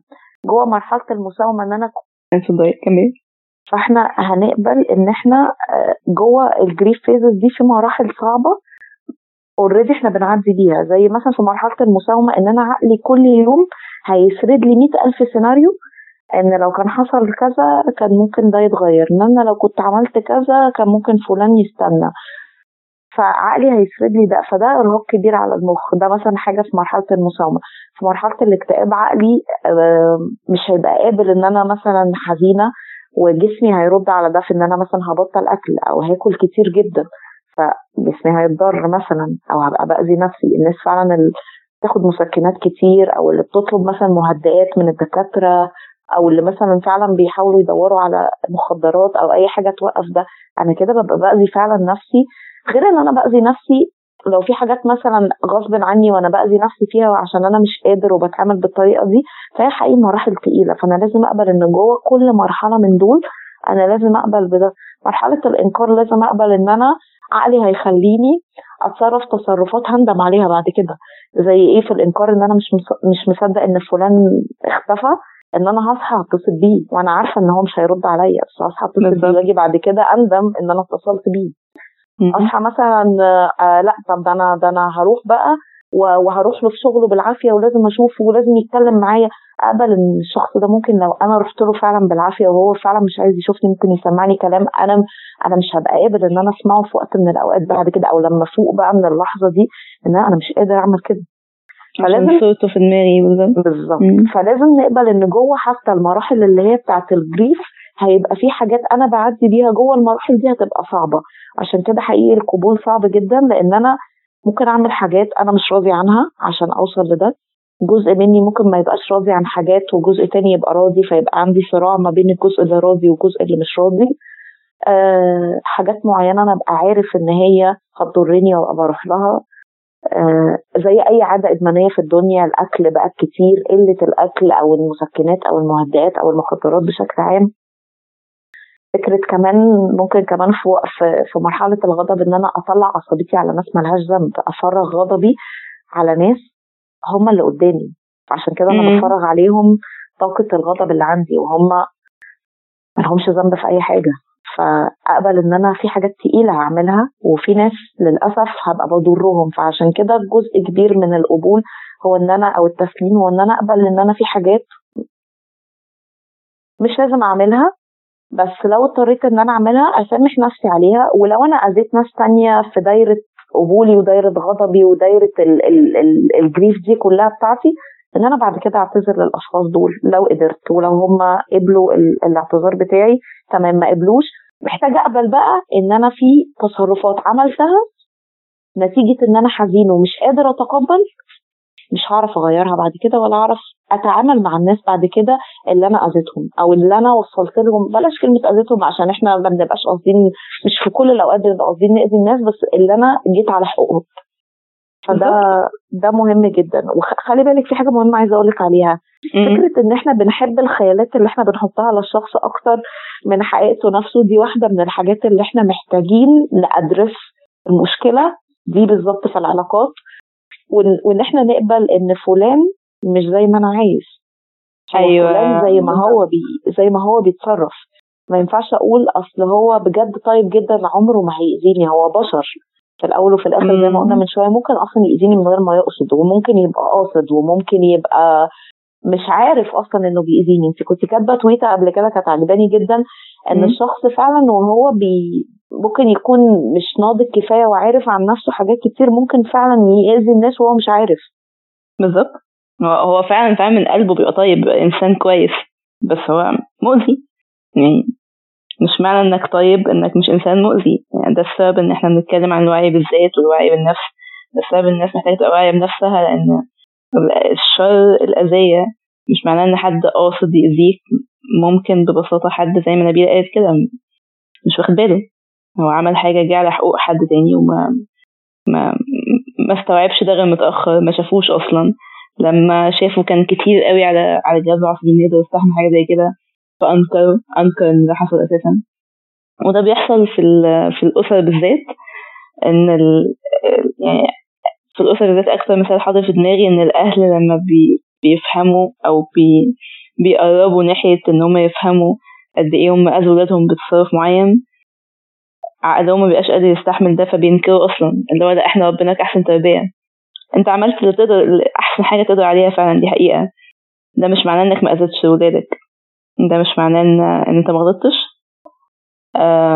تقبل حاجة زي كده صعب ومؤلم وأنا وأنا مع أنا مع ده. بس ده الواقع. ده أنا حتى أنا حتى لو متعاطفه أنا فعلا متعاطفة مع الآباء والأمهات إن هم هما بيغلطوا فعلا ممكن يكون فعلا ما عندهمش أي نية للأذية. بس أنا كمان متعاطفة مع مع الواقع نفسه اللي بيقولوا إن في طرف اتأذى إن في طرف جه على حقوقه وفي طرف ما ما كانتش حياته ماشية بشكل صحي أو healthy أو مناسب. ما عرفش يكبر في حتت معينة. فإحنا أول حاجة محتاجين يعني yes محتاجين نتقبل إنه الحاجات دي بتحصل. هشاركك بحاجة. هشارك الناس كمان اللي بتسمعنا بحاجة بفكرة إن إحنا بنحب الخيالات اللي بنحطها على الشخص أكتر من من حقيقته نفسه. آه مثال آه جابولي الدكتور بتاعي في في في سيشن مرة كنا بنتكلم فيها عن عن جزء من إن أنا ما كنتش قابلة إن الشخص إن دي حقيقة الشخص وإن اللي كان في بالي ده كانت فكرتي أنا عنه. آه هو كان بيتكلم بكل بساطة فوراني صورة وقال لي أنا هوريكي صورة دلوقتي وانت هتقولي لي هي فيها كام مثلث وهتاخدي وقتك الكامل مش هضغط عليكي في إنك آه يعني مش ه push you إنك تقولي لي بسرعة أو إن إن وحتى يعني لو عايزة okay تمام. فهو قال لي آه طلعي لي كام مثلث موجود في الصورة دي. الحقيقة إن الصورة كانت قدامي وزي ما ما قلت من شوية وقال لي مش هي push me على ان إن أنا أخلصها في وقت معين أو أو قال لي حتى لو عايزة تحدديهم آه يعني تخططي عليهم وتقولي لي هم فين أنا معاكي قلت له okay. وراني الصورة فعلا الصورة كانت عبارة عن أشكال فيها آه مثلثات وفيها فيها أشكال هندسية كتير مثلثات ودوائر ومربعات. قعدت أعد المثلثات كتير وخدت وقتي وأنا أصلا شخص بقى بسيط جدا فقعدت أعد المثلثات. أنا شايفاها قدامي هي مثلثات فعلا. فهو أول ما سألني فيها كام مثلث فأنا قلت له الصورة دي فيها 13 مثلث. فهو قال لي انت متأكدة؟ قلت له آه ورحت موريهم له. عديتهم مثلث مثلث أيوه. بالظبط. قلت قال لي طب تحبي تحبي تحبي تجاوبي إجابة ثانية و13 مش الإجابة الصح. قال لي تحبي تجاوبي إجابة ثانية قلت له لا. مش هجاوب إجابة تانية لأن هم 13 طب ثانية واحدة كده. وأنا متأكدة. آه قلت له طب ثانية واحدة كده قعدت اعدهم تاني. قلت له لأ هم 14 مثلث مش 13 أنا في واحد كنت أصلا بقى. آه فراح قال لي متأكدة. فقلت له آه فراح قال لي نبيلة الصورة دي ما فيهاش ولا مثلث. فهو أول لما قال لي كده في لحظتها كان في شلالات دموع بتنزل من عينيا. أنا فاكرة إحساسي بالظبط في اللحظة دي. آه فضل باصص لي. وقال لي الصورة ما فيهاش ولا مثلث الأشكال اللي انت شايفاها قدامك أشكال آه يعني اللي انت عداهم على إن هم مثلثات هم شكل كأنه مثلث بس عنده ضلعين وانت عارفة إن المثلث عنده كام ضلع يا نبيلة؟ فقلت له ثلاثة والدموع لسه بتنزل. شلالات دموع بالظبط يعني كلمة شلالات دي أكثر وصف معبر. طبعا أنا بضحك دلوقتي بس حقيقي بس وقتها ساعتها الموضوع كان مؤلم. الموقف كان مؤلم جدا لأن وقتها هو كان بيوريني إن قد إيه دي حقيقة الشخص. واللي أنت كنت فاكرة إن هي حقيقته ده الخيال اللي أنت كنت رسماه في في في, في دماغك. آه في دماغك عن الشخص ده. هو الشخص ده مش مش هو الخيال اللي في دماغك. حقيقته إن هو ضلعين فما يكملش إن هو يبقى مثلث. هو اللي قدامي على الورقة ده مش مثلث. الموضوع الموضوع هي كان كان تقيل وقتها وهو لما قال لي كده طبعا أنا ما كنتش قابلة. ويحصل يعني بيحصل بيني وبينه كتير قوي. أنا والدكتور بتاعي خناقات. بالظبط بيبقى فيها خناقات بتوصل لل الجلسات بيبقى فيها خناقات. بالظبط اللي هو بتوصل للي هو انت أنا الكلام اللي انت بتقوله ده مش حقيقي وحاجات جزء كبير منها بيبقى جوايا رافض إن أنا أقبل حاجات زي كده. أنا عماد مأكد لي إن الكلام ده مش صح. بالظبط. بعد كده هو لما بعدها بكذا بكذا سيشن لما وراني صورة تانية وكان بيسألني على حاجة فيها فأنا ركزت كويس قوي إن أنا أحاول أجنب مشاعري على جنب بين إن اللي قدامي ده سألني هي فيها كام مثلث فمش معنى كده إن هي لازم يبقى فيها مثلثات. هي ممكن ما يبقاش فيها فعلا ولا مثلث. دي حاجة من الحاجات. آه حاجة من الحاجات إن إحنا محتاجين نبقى مخليين بالنا إن اللي أنا حاطه ده الحقيقة ولا خيالي أنا أو وجهة نظري أنا عن الشخص. فلان ده عمره ما هيعمل كده. مين اللي قال إن عمره ما هيعمل كده؟ هو مش بني آدم. فلانة عمرها ما عمرها ما هتعمل كده. مين اللي قال كده؟ هي مش فلانة دي إنسانة وعندها مشاعر. وبتضغط وبيمر عليها حاجات كتير قوي مين اللي قال إنها مش هتعمل كده؟ إحنا اللي بنبقى فاكرين إن الناس مش هتعمل كده. بالظبط. أنا حابة برضه أقول إن الدموع اللي كانت في المثال بتاعك يعني حاجة بتوضح قوي قوي حتة قد إيه تقبل مؤلم. يعني نبيلة بتحكي إن الدموع كانت نازلة من عينها وهي مش حاسة ان بشكل عفوي جدا مش حاسة بيها بس ده قد إيه التقبل مؤلم قد إيه تقبل حاجة صعبة جدا. لما حد بيرميلك الحقيقة في وشك دي فعلا فعلا حاجة صعبة إنك تتعامل معاها.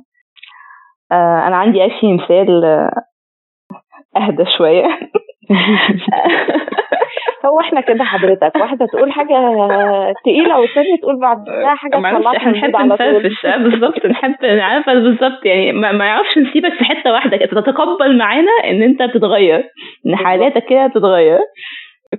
ف يس فأنا كنت آه، كنت قريب في دهب كنت آه، اتعرفت على ناس بقى خلق كتير هناك وناس حلوين جدا وبتاع.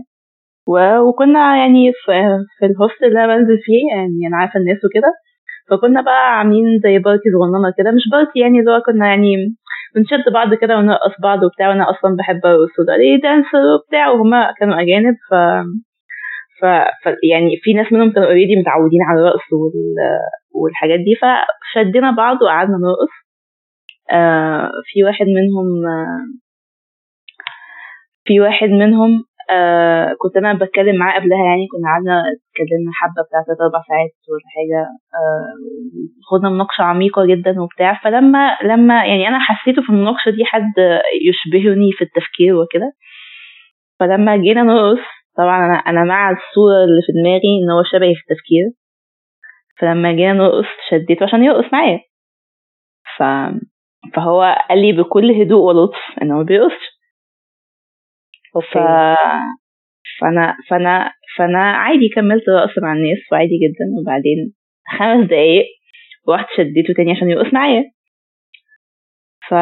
فهو تاني بكل هدوء. هو كان ألماني وأنا عارفة إن سمعة الألمان مش كويسة في الحاجات دي بس حقيقي هو كان شخص لطيف جدا. وقال لي. يسأل لي تاني بكل هدوء وبساطة أنا مش برقص يعني ده مش الحاجة بتاعتي.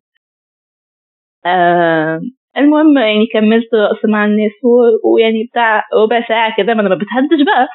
ف ف ف فربع ساعة كده واللي هو يعني عيني جت عليه تاني فاللي هو لأ بقى ده أنا ده أنا ده أنا ده أنا أجي أقومك بقى. يعني رحت له بقى رحت له أكتر بقى اللي هو يعني أنا أجي أقومك ترقص. أنت إزاي؟ يعني يعني إيه ما ترقص مش فاهمة يعني إيه ما بترقص تعالى أنت هترقص.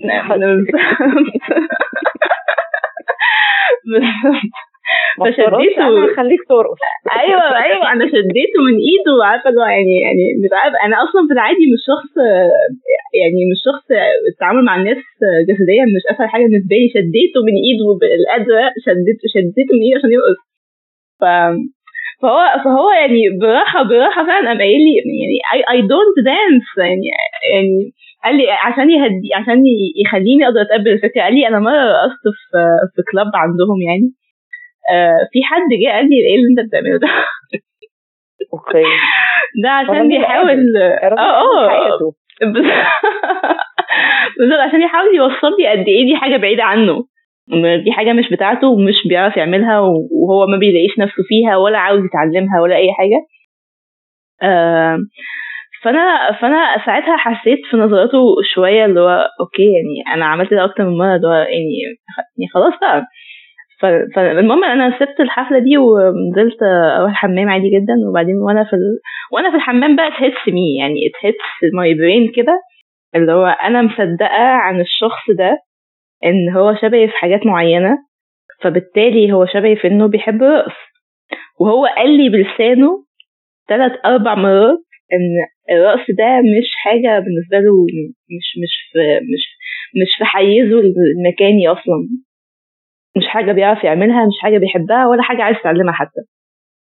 بس أنا برضه كنت مصممة على الصور اللي في دماغي وحتى ما لقطتش نفسي وأنا بعمل ده ما لقطتش نفسي وأنا رافضة صورته الحقيقية وأنا رافضة أتقبل حقيقته. وده أكيد خلاه يحس بضغط يعني ده أكيد خلاه يحس إنه مضغوط شوية إنه حتى لو مش مضغوط كتير بس مضغوط شوية إن في بريشر اجتماعي عليه إن هو يعمل حاجة هو مش مش عاوز يعملها ومش متقبلها ومش مقتنع بيها. ف- فالمهم فطلعت بقى من الحمام آه، يعني أنا أول حاجة أول حاجة حسيت إني محتاجة أعملها بعد ما أدركت ده إن أنا إن أنا أروح أعتذر له. دي أول حاجة. يعني أنا اخدت على جنب كده اللي هو يا اسطى أنا آسفة أنا ما كانش قصدي أعمل الهباب اللي هببته ده.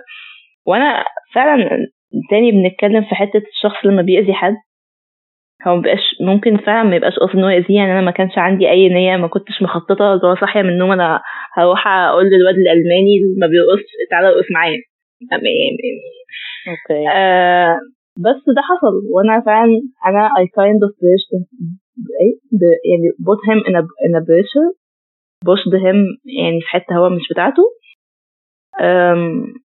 وده يعني مش أذى كبير بس ستيل حاجة مش مريحة إن حد يكون بيحاول يعني يخليك تعمل حاجة أنت مش عاوز تعملها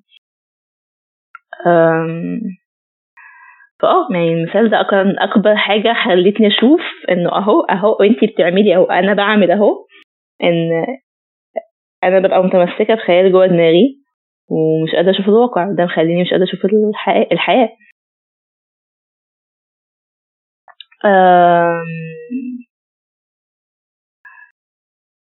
أكتر حاجة كنت بحس إن المخ ذكي فيها قوي إن ال ال ال ال القبول القبول بيخليك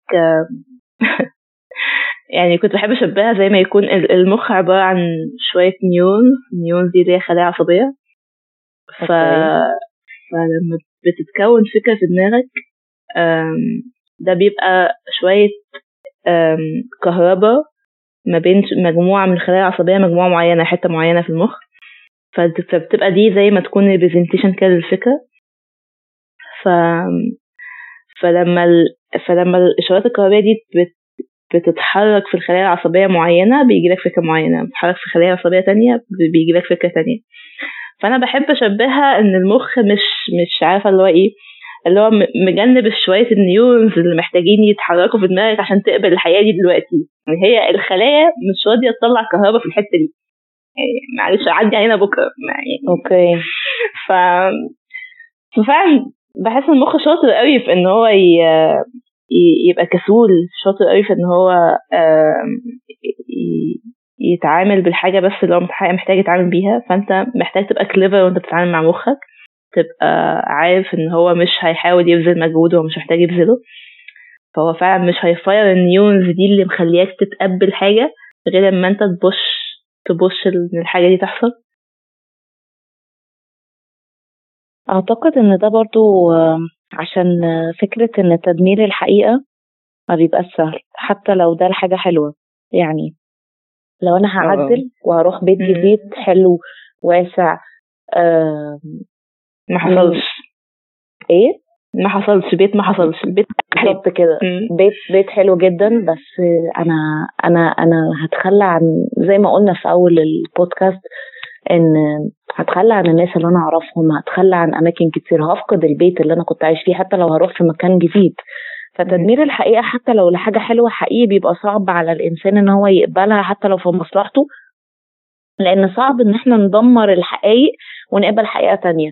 بالظبط زي فكرة لما مثلا بيبقى في ناس في toxic relationship ايا كان نوعها مش بس علاقة عاطفية حتى مع الإخوات أو مع أبهاتهم وأمهاتهم يقول لك ما ما أصل أنا متعود يعني ما خلاص بقى خليني في اللي أعرفه أحسن من اللي ما أعرفوش. مع إن هو ممكن لو هيدمر حقيقة إن هو ممكن ينفصل عنهم ماديا أو ينفصل عنهم مثلا في إنه ما يبقاش عايش معاهم أو أو ده هيبقى أحسن ليه بس هو ما بيبقاش قادر يقبل ده.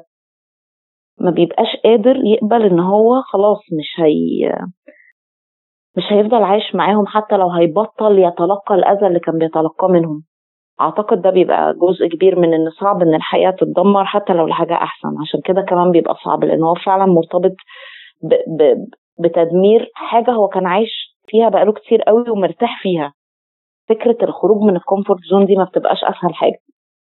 بالظبط ولو ما فيش سبب وجيه لدماغك إن إحنا محتاجين نخرج عشان ده هو بتبقى حتى مش حاجة سهلة إنك تتحرك ناحيتها يعني هتسمع كتير كتير قوي من زمايلك. حد بيقول لك والله ده كان نفسي أتعلم المجال الفلاني بس ما حصلش نصيب. ما حصلش نصيب ليه؟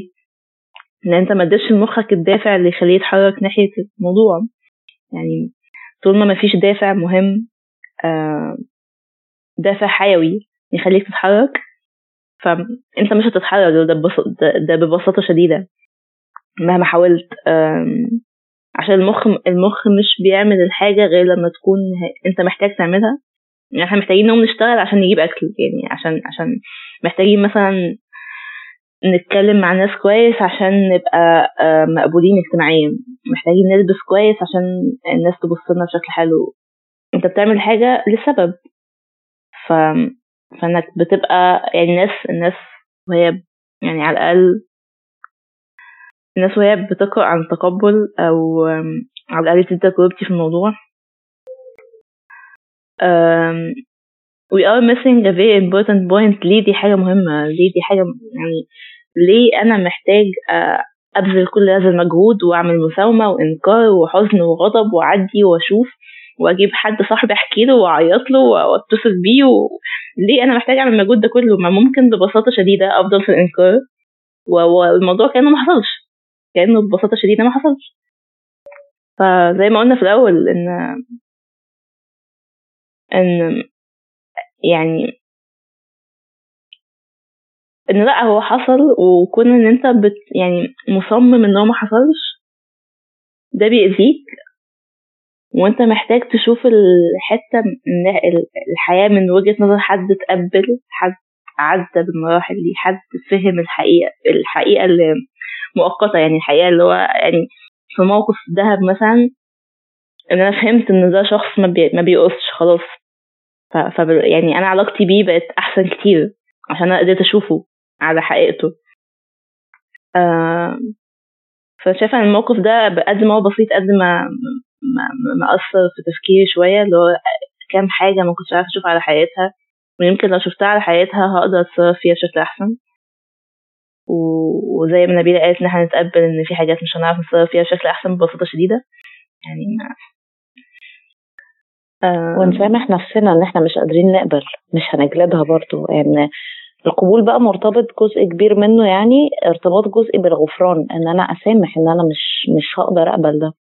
أسامح إن أنا نفسي إن أنا مش قادرة أقبل ده. أسامح إن أنا هيجي عليا وقت هبقى مش قادرة أقبل وجود الناس دي في حياتي تاني. أوكي إن أنا مش قادرة أقبل وجودهم في حياتي. طبعا ده هيبقى مؤذي بالنسبة لهم. بس حقيقي خلاص لو أنا عملت كل اللي عليا ومش قادرة أقبل وجودهم في حياتي فخلاص. مش مش لازم أجبر حد إن هو يفضل موجود أو مش لازم أجبر نفسي على تقبل وجود أشخاص معينة في حياتي. لو أنا مش قادر أخليهم في حياتي أوكي إن هم ما يفضلوش موجودين في حياتي. بالظبط. لأن الحاجات دي حقيقي بتبقى فوق طاقة الشخص النفسية. إن إحنا حتى لو عارفين إن إحنا نعديها دلوقتي هيجي علينا وقت مش هنبقى عارفين نعديها. بالظبط الإنسان ما بيقدرش يضغط على نفسه فترة طويلة. بالظبط. حتى لو هنعرف كمان إن إحنا نقبل إنها تتغير بس فات وقت تغييرها. خلاص في حاجات كمان بيبقى فات وقت تغييرها فعادي إن إحنا نقبل إن فات وقت تغييرها. آه ما أنا يبقى أنا كده ما عملتش بقى يبقى أنا كده ما شخص ما بيتقبلش. لا خلاص يبقى أنا شخص ما عرفتش اتقبل في الموقف ده اقبل بقى في المواقف اللي جاية. بالظبط. دي نقطة مهمة جدا. أنا شخص ما عرفتش أقبل في الموقف ده. ده مش بيقول أي حاجة عنك في المواقف التانية. يعني فاهم. yes. إحنا محتاجين نقبل ده برضه. أو أنا على الأقل نقطة مهمة بالنسبة لي محتاجة أفكر فيها مع نفسي اللي هي حتة okay أنا ما عرفتش اتصرف في الموقف الفلاني ده ملوش علاقة بقدرتي على التصرف in general okay. يعني أنا فاهم أنا struggling جدا آه struggling جدا في إن أنا أتعامل في الحتة دي بجد يعني دايما مخي بيصدر أحكام عامة كده اللي هو انت ما عرفتيش تعملي كذا ده انت ما بتعرفيش يا ابني تعالى بس تعالى تعالى استهدى بالله بس تعالى. تعالى وأنا هعمل لك كوباية شاي أو قهوة وأروق عليك بس قول لي مالك بالظبط. بالظبط إيه زعلك يا عم في ما تقفوش كده يس يعني إحنا بنتكلم فعلا في موضوع أنا ونبيله بنتكلم بضحك وهزار بس أنا وهي فعلا اتناقشنا في الموضوع إن دي حاجة بتحصل. المخ المخ فجأة بتلاقيه عمال يقول لك أنت ما بتعرف ما بتعرفش إيه يا معلم؟ أنت بتقول إيه؟ اللي أنت بتقوله ده. بس يعني آه يعني آه يلا الحمد لله. المهم آه إحنا بقى عمالين نتكلم عن التقبل ونتكلم عن آه تعريف التقبل وليه التقبل مهم وكده. آه أعتقد إحنا اتناقشنا شوية في إيه الحلول اللي محتاجين نعملها عشان نعرف إن إحنا نعمل يعني نعرف إن إحنا نمارس التقبل. بس يعني I can't highlight enough يعني أهمية تبطين المسكنات و... وهستعير من نبيلة قدرتها على الوصف. آه المسكنات هنا بتندرج تحت أي حاجة أنت بتستخدمها عشان تكمل في الإنكار. يعني آه أنا عارفة إن الحاجات اللي يوجوالي تيجي في دماغ الناس كمسكنات آه الحاجات الواضحة الحاجات اللي واضح إن هي مسكنات آه المخدرات العلاقات الحاجات اللي هي الواضحة قوي الحاجات اللي هو باين قوي إن الشخص ده بيعمل ده عشان يهرب من كذا. بس في حاجات تانية مش واضحة زي ال... زي الأكل زي ال... زي الشغل الكتير الناس اللي وركحولك آه، أعتقد نبيلة ذكرت موضوع الوركحولك ده. آه، زي الأكل أو عدم الأكل فيه صح. آه، أعتقد نبيلة برضه ذكرته. في حاجات تانية بتبقى مسكنات زي okay. دي حاجة أنا قريتها في كتاب ولما قريتها حسيت إن كأن okay. أنا الفقرة اللي قريتها دي حسيت إن في حد حرفيا بيقول كاتب بيكلمني أنا شخصيا وناقص يكتب في آخر الفقرة يا إيمان. يعني ده اللي ناقص. إنك التحليل إنك تحلل الحاجة بعمق أنا ده بح حاجة بحب أعملها. بس اكتشفت إن أنا بحلل البني آدمين اللي قدامي بعمق فأنا بس بحاول أتجنب إن أنا أحلل نفسي مش أكتر. بحاول أتجنب إن أنا أشوف دوافع أنا الحقيقية. ف فبركز على إني أشوفهم هما بدل ما أشوف نفسي. آه وكل حاجة بتغيظني فيهم بتبقى حاجة عندي أنا أصلا. بتبقى حاجة جوايا أنا غيظاني. آه فالموضوع الموضوع تبطيل المسكنات ده مهم لهذه الدرجة مهم إن أنت يعني بتكتشف بتكتشف كده إنه أوكي في حقيقة تانية خالص بقى غير اللي أنت في دماغك غير غير اللي دماغك قاعد قاعد يحكيها لك. في قصة تانية أنت مش عايشها والقصة دي مهمة وبتأثر في حياتك وبتأذيك بس أنت مش مش لاقط الأذى ده. وعمال بتتعامل مع الأذى ده كأنه جاذبية أرضية كأنه حاجة محتاجة تتعامل معاها من براك مع إن هي الحقيقة إن هي من جواك. ف... فأول خطوة أول خطوة فعلا تبطيل المسكنات بأنواعها. يعني تتفرج على المسلسلات الكتير أي حاجة كتير بتتعمل عموما مش أي حاجة اكستريم ده معناه إن أنت بتهرب من حاجة. آه ممكن ممكن نبيلة كمان تتكلم في الموضوع. يعني أعتقد إن إحنا اتكلمنا عن حتة إن إحنا فعلا نبطل المسكنات بشكل عام لأن جزء من إن إحنا نبطل المسكنات هو إن أنا أسمي الحاجة باسمها الصح إن أنا عندي ألم. أنا أنا موجوع من كذا أنا حاسس كذا. حاجة برضو من الحاجات اللي إحنا اتعلمناها إن إحنا لما نيجي نتكلم عن الحاجة اللي إحنا حاسينها عشان أحط نفسي في ال في ال في ال في الحالة نفسها أو أو أحط اللي قدامي في الحالة اللي معايا ما اقعدش ارمي التهم على اللي قدامي ما اقعدش أقول انت عملت وانت سويت وانت وانت بس ممكن بكل بساطة أقول أنا اتوجعت. أنا حاسة كذا. أنا حاسة ان أنا حقي اتاخد لكن مش لازم أقول اللي قدامي انت خدت حقي أو كده. فجزء كبير من ان أنا اسمي لنفسي ان أنا بالظبط زي ما بهندل طفل وهو بيعيط. أنا أنا عارفة ان انت متضايق وحقك تتضايق طبعا ان انت اللعبة بتاعتك اتكسرت. تعال ندور على طريقة نصلحها بيها ولو ما عرفناش تعال نتعلم إزاي نحافظ على اللعبة الثانية بتاعتنا اللي هتبقى عندنا وهكذا. هو على فكرة بجد كلامنا للأطفال اللي دلوقتي أغلب كتب التربية الإيجابية بتتكلم عنه وأغلب الناس بتتكلم عن المرشدين بقى وال sessions بتاعت الإرشاد الأسري والنفسي والحاجات دي بتتكلم عنها. هو فعلا إن أنت ت validate مشاعر اللي قدامك أو مشاعر الطفل يعني وأنت actually وأنت بتطبطب على الطفل اللي جواك هو فعلا أنت بتبقى ماسك الطفل. بتطبطب عليه بالظبط. مش هينفع تطبطب على الكبير لأن الكبير مش هنقول إن الكبير ما بيتألمش لأ الكبير بيبقى متألم ومدرك لكن الطفل ما بيبقاش مدرك هو هو ده بيحصل ليه. فبالظبط وإحنا بنبقى فاقدين حاجة أو بنبقى لسه في بداية مرحلة إن الفقد بشكل عام بنبقى عاملين زي الأطفال التايهين اللي مش عارفين هم عملوا إيه. عشان يستاهلوا عليه إن لعبتهم تكسر أو يستاهلوا عليه إن هم يتحرموا إن هم ينزلوا. في المصيف آه، البحر علشان هم عملوا شقاوة أو علشان هم كانوا أشخاص بيتكلموا أو أشخاص بيعبروا عن نفسهم. لا هو ده مش ده ده مش معناه إن أنت عشان شخص كبير هو إن الجزء اللي بيتعرض للفقد ده هو بيبقى جزء هش جوانا جدا هو بيبقى أشبه بالطفل فعلا هو اللي بيتعرض لده مش الشخص الكبير اللي جوانا أو مش الشخص الكبير اللي إحنا عليه. آه لو حد عرض عليك إن هو يساعدك إحنا مش يعني we are not super heroes علشان خاطر و, و we are not supposed to be super heroes. هما فعلا ال super heroes بيجوا في الأفلام بس و guess what وهم في الأفلام بيبقى عندهم ناس بيساعدوهم برضه. يعني بتلاقي أي super hero لازم حد بيساعده. قرايبه بقى الناس اللي حواليه الناس حتى اللي لما بتشوفه بتشجعه. سبايدر مان لما حاول يحمي القطر من إن هو يخرج عن المسار بتاعه ويوقفه. هي ناس كانت بتساعده بإن هي كانت بتحاول إن هي توسع له الطريق لما كان هيغم عليه دخلوه عندهم وهكذا. فال super heroes برضه بيحتاجوا ناس يساعدوهم وإحنا مش super heroes أصلا. ما اتخلقناش في الدنيا عشان نبقى super heroes. بس ساعات عقلنا بيقول لنا يلا نبقى super heroes ويلا وأنا بعرف اعمل وأنا مش محتاج ولا حاجة. it's okay إن أنت برضو تقول له في الوقت ده ماشي. أنت عارف إن اللي أنت بتقوله ده مش حقيقي بس أنا هسيبك تقوله.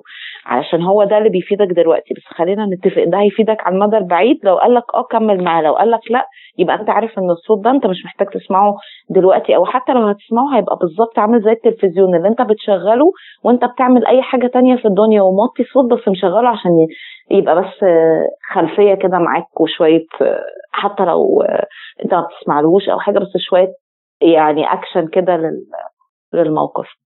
ف... بيسليك كده بالظبط. أقبل كمان إن أنا مش هقدر أعمل كل ده طول الوقت في كل المواقف. في مواقف هقبل إن أنا مش هسميه مش هقول هفشل بس هقبل إن أنا في مواقف مش هقدر أكون على نفس القدرة من الكفاءة لكل مرة ببقى عايز نفسي يبقى عليها في قبولي لل... للفقد أو للألم ده.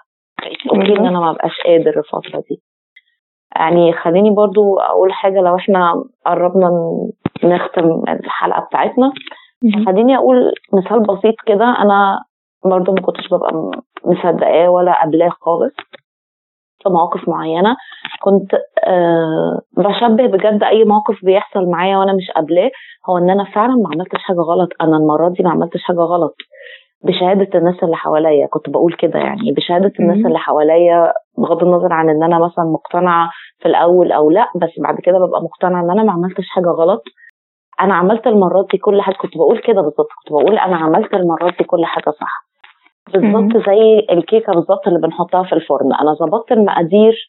أنا مشيت على الوصفة. أنا شفت الفيديو على اليوتيوب أكتر من مرة yes. قبل ما أعمل الوصفة yes. علشان ما أغلطش. أنا mm. كنت بوقف الفيديو كل شوية وأعمل خطوة وأمشي على الخطوه وهكذا. أنا كنت بستعين كمان بخبرات ناس معايا في المجال بتاع الطبخ اللي هو طبعا في الحياة مش مجال الطبخ اللي هو الحياة بشكل عام. أنا كنت بسأل الناس المفروض أعمل إيه والمفروض ما أعملش إيه. وفي الآخر بعد ما حطيت الكيكه في الفرن الفرن عالي درجة الحرارة بتاعته عليت شوية عشان الكهرباء عليت فالكيكه اتحرقت. وأنا المرة دي ما عملتش حاجة. أنا ما ما حطيتش خليط من دماغي أو ما مشيتش على وصفة من دماغي أو ما حطيتش مقادير بالويم كده زي ما أهالينا بيعملوا. يعني أمهاتنا يقول لك أقول لها دي كام معلقة؟ تقول لي أنا بحطهم كده بالويم أنا ما عملتش بإحساسي. بالظبط. أه. أنا ما ما عملتش كده. ومع ذلك الكيكة اتحرقت. الحقيقي ده كان ده كان برضه كان بيبقى صعب عليا قوي. قبول فكرة إن فعلا في حاجات أهو بقى وهي فعلا مش في دايرة تحكمي فيها. وحتى الحاجات اللي في دايرة تحكمي أنا مشيت عليها بالوصفة وهي باظت برضه. ده حقيقي يعني ده حقيقي بيبقى من أصعب ما يكون حقيقي على الإنسان إن هو يقبله. وده كان صعب عليا إن أنا أقبله جدا في الفترة الأخيرة إن في حاجات أنا ما عملتش فيها حاجة أنا مشيت على الوصفة بالظبط ما غيرتش فيها أي حاجة على المقادير. زي ما الكتاب بيقول أنا عملت زي ما الوصفة بتقول زي ما اليوتيوب بيقول وفي الآخر برضه الكيكة باظت ورميتها. الفرن حرقها والكيكة باظت فاضطريت أرميها. ما كلناهاش. لازم أقبل بقى إن في حاجات هي هي لازم هتبقى خارج إرادتي. هعيط شوية على الكيكه وعلى المقادير اللي أنا عملتها وعلى وقتي ومجهودي اللي ضاع في عمايل الكيكة. وفي الآخر هي اتحرقت برضه. بس مش هقول بعد كده إن كل اللي أنا عملته ده كان على الأرض أو كل كل المجهود اللي أنا حطيته في في الكيك ده على الأرض. لأن أنا لما هبدأ أعمل كيك بعد كده هبقى عارفة إن ممكن الفرن يعمل حاجة. فمثلا مش هسويها في الفرن ده هسويها في فرن تاني. أو مثلا. هبقى مقللة. درجة حرارة الفرن جدا علشان حتى لما درجة الحرارة بتاعته تعلى ما تعلاش عن المطلوب. فأنا ما ببدأش بعد التجربة والخطأ. حقيقي هي بتبقى صعبة جدا وطعمها مر بس ما ببدأش من, من اللا شيء.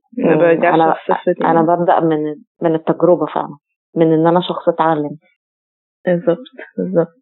أه وأنا حابة أذكر حاجة فاني دلوقتي إن أنا وأنا أنا ونبيلة وإحنا بنجهز الحلقة أه كنا كاتبين مثال عن الماس وإحنا وأنا هي سألتني كذا مرة ده كان معناه إيه وأنا مش قادرة أفتكر خالص ده كان معناه إيه. هي مجرد ما بدأت تشرح مثال الكيكة افتكرت على طول ده كان معناه إيه. الله الله علينا والله. يس. أخيرا جت نورت نورت. يس في في مقولة كده كنت بكتبها زمان uh, life is not like math. You can do everything um, right and still get the wrong answer. عشان يعني في ال mathematics انت عندك خطوات معينة بتمشي عليها عشان تحل المشكلة الفلانية. فالخطوات دي انت لو مشيت عليها صح هتوصل للنتيجة الصح. آه وال mathematics للأسف representation مخل للحياة. لأن الحياة مش كده. الحياة فيها عوامل كتير متغيرة. فأنت حتى لو مشيت على الخطوات بالملي زي ما نبيلة قالت مشيت على الوصفة اللي هو يعني بالحرف برضه still still ممكن ما توصلش النتيجة أنت عاوزها ما توصلش النتيجة الصح. عشان في حاجات كتير قوي بره إيديك في حاجات كتير قوي بره اللي أنت قدرت تتحكم فيه بره اللي أنت تقدر تعمله. فاه يعني أنا أنا مبسوطة إن إحنا افتكرنا المثال أنا وهي احتاجنا نتقبل إن إحنا خلاص ان أنا مش قادرة أفتكر المثال قبل الحلقة ودلوقتي افتكرنا المثال فده معناه إن ال conversation ما بيننا productive جدا بتفكرنا إحنا الاتنين بحاجات ف yes آه المهم إحنا إحنا إحنا أعتقد إحنا طولنا. okay. أنا برضو بفكر في حاجة أو إحنا طولنا بس أعتقد إن الكلام عن القبول مهم بالنسبة ليكي وبالنسبة ليا. فدي كانت حاجة مهمة وإحنا اتفقنا إن ده البودكاست بتاعنا فإحنا نعمله بالطريقة اللي إحنا عايزينها. اتنين رغايين yeah. بالظبط. يعني هيبقى بودكاست اتنين رغايين تفتكروا هيبقى إيه؟ يعني بالظبط. بالظبط. إحنا ما يهمناش. نطول براحتنا. Yeah. آه ممكن نقول بقى شوية حاجات من اللي إحنا استعنا بيها للكلام عن التقبل. Yeah. ف... أوكي كان في آه كتاب اسمه السماح بالرحيل. كتاب اسمه فن التعافي. دول بيتكلموا mainly عن جزء منهم عن التقبل. إيمان برضو انت قلتي لي على كتاب إيه the لا. lies we tell ourselves آه ده مهم قوي ده ده ده ال...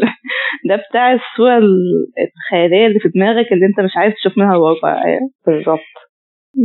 آه في جزء برضو من كتاب أحببت واخدة من دكتور عماد رشاد عثمان جزء منه بيتكلم هو بيتكلم عن الخمس مراحل. هو بس هو mainly عن العلاقات العاطفية يعني بس جزء منه بيتكلم عن مرحلة التقبل. ميرنا الهلباوي تنذكر ما تنعاد اتكلمت عن التقبل. واتكلمت عن ال phases بتاعت ال grief آه في آه في أفلام وفي مسلسلات كتير قوي. بس إحنا مثلا هنختار فيلم ومسلسل. وإيمان قالت إن يعني أنا اخترت Eat Pray Love كفيلم. ده جميل جدا وفعلا جزء منه كبير عن التقبل. إيمان قالت لي انت قلتي لي إن في لي بودكاست ممكن تقولي عنه؟ آه المؤلفة نفسها آه يعني هي كانت كاتبة كتاب فهي عملته بصوتها كتاب صوتي فيعني م- هي ابدعت في الحقيقة اللي هو أنا كنت بسمعها وأنا قاعدة معاها في الهند هناك يعني اللي هو لا يمكن يعني مش ممكن يعني كانت معبرة جدا يعني فالكتاب الكتاب الصوتي highly recommended أنا لسه ما اتفرجتش على الفيلم بس غالبا هتفرج عليه مدام نبيلة رشحته فالاثنين highly recommended يعني. مسلسل أنا رشحته لإيمان. ممكن تحكي لنا عن تجربتك معاه كده أو عن قولي لنا عنه. أيوه. إيفو يا. إيفو ده مسلسل هو بيتكلم عن عن التقبل عن إن البطلة في حاجة حصلت في حياتها مش قادرة تتقبلها. هو جاي يعني في فترة في نفس الفترة اللي أنا كنت محتاجة أتقبل فيها إن بابا توفى. ف يعني يعني حقيقي أنا وأنا بسمع المسلسل أنا كنت حاسة إن قصتي متجسدة في مسلسل يعني اللي هو اللي هو المراحل اللي البنت بتعدي بيها عشان تتقبل الحاجة اللي حصلت في حياتها آه الإنكار والسحلة والمساومة ولما بتتخيل حاجات أنا حقيقي أنا أنا قعدت على المسلسل ما قعدت على المسلسل يوم ما قمتش لأنه كان يعني كان اللي هو بيعبر عني بيعبر عن حاجة لمساني. فالمسلسل highly recommended يعني. آه في أغنيتين. إحنا كنا محتارين نختار أنهي أغنية منهم بس آه يعني أعتقد إن الاثنين بما إن إحنا آه اتكلمنا عن التقبل بشكل عام فأغنية لهبه طوجي اسمها حلم وأغنية قالوا مشينا لجوليا بطرس. دول آه بن recommend إن أنتوا تسمعوهم بعد الحلقة بتاعتنا. yes yes أنا مبسوطة إن أنا كنت معاكي في البودكاست. آه شكرا إن انت خليتينا نعمل حاجة كده مع بعض. اديتيني الأول فرصة إن إحنا إن أنا أبقى معاكي والطريق ودانا لده. أتمنى إن إحنا نكمل. آه أنا بجد عايزة أشكرك يا إيمان على إنك موجودة. حقيقي انت بتدعميني كتير جدا وبتقفي جنبي كتير. وأنا آه بقدر جدا إن انت موجودة في حياتي في الفترة دي. بقدر جدا إنك بتجاوبي على إجابات ناس تانية هم اللي المفروض كانوا يجاوبوا عليها بس هم قرروا ما يجاوبوش. فانت بتجاوبي بالنيابة عنهم عشان انت عايزة تجاوبيني أنا. فشكرا جدا بجد. واتمنى نعمل حلقات تكسر الدنيا ونجيب ناس زي أحمد الغندور وهنجيب ناس كتير إن شاء الله معانا يعني أتمنى. yes yes أنا يعني ممتنة قوي اللي انت قلتي نبيله حقيقي. أنا ممتنة قوي ده و يعني okay أنا طبعا قلت لك ده قبل كده بس أنا بقوله تاني قدرتك على الوصف وقدرتك على إنك تحطي نفسك قدام ال... يعني مكان الشخص اللي قدامك. دي بجد حاجة remarkable. أنا عمري ما هنسى يعني you said the right things to me لما أنا احتجت أسمع حاجات معينة أنت قلتيها بالحرف. دي كانت نقطة فارقة في حياتي جدا. ف يعني أنا مبسوطة أنا مبسوطة إن أنا بعمل الرحلة دي معاكي مبسوطه إن إحنا بنخوض المناقشات دي سوا. مبسوطة إنها تطلع للنور إن إحنا هن... هنتناقش والناس هتسمع نقاشاتنا دي. آه ف يعني thank you الشكر يعني الامتنان المتبادل و thank you إنك كنت معانا النهارده و thank you إن على وقتك ومجهودك ويعني يا جماعة نبيلة عملت لنا أجندة للحلقة ما, ما تخرش المية. يعني اللي هو يعني البنت عملت مجهود يعني. بس يعني. عندك حاجة تانية تحب تضيفيها؟ لا كده تمام. ويعني نشوفكم الحلقة الجاية بقى إن شاء الله من بودكاست. اثنين رغايين اثنين رغايين yes. yes. yes. تصبحوا على خير ونشوفكم الحلقة الجاية. تصبحوا على خير. باي باي. باي باي.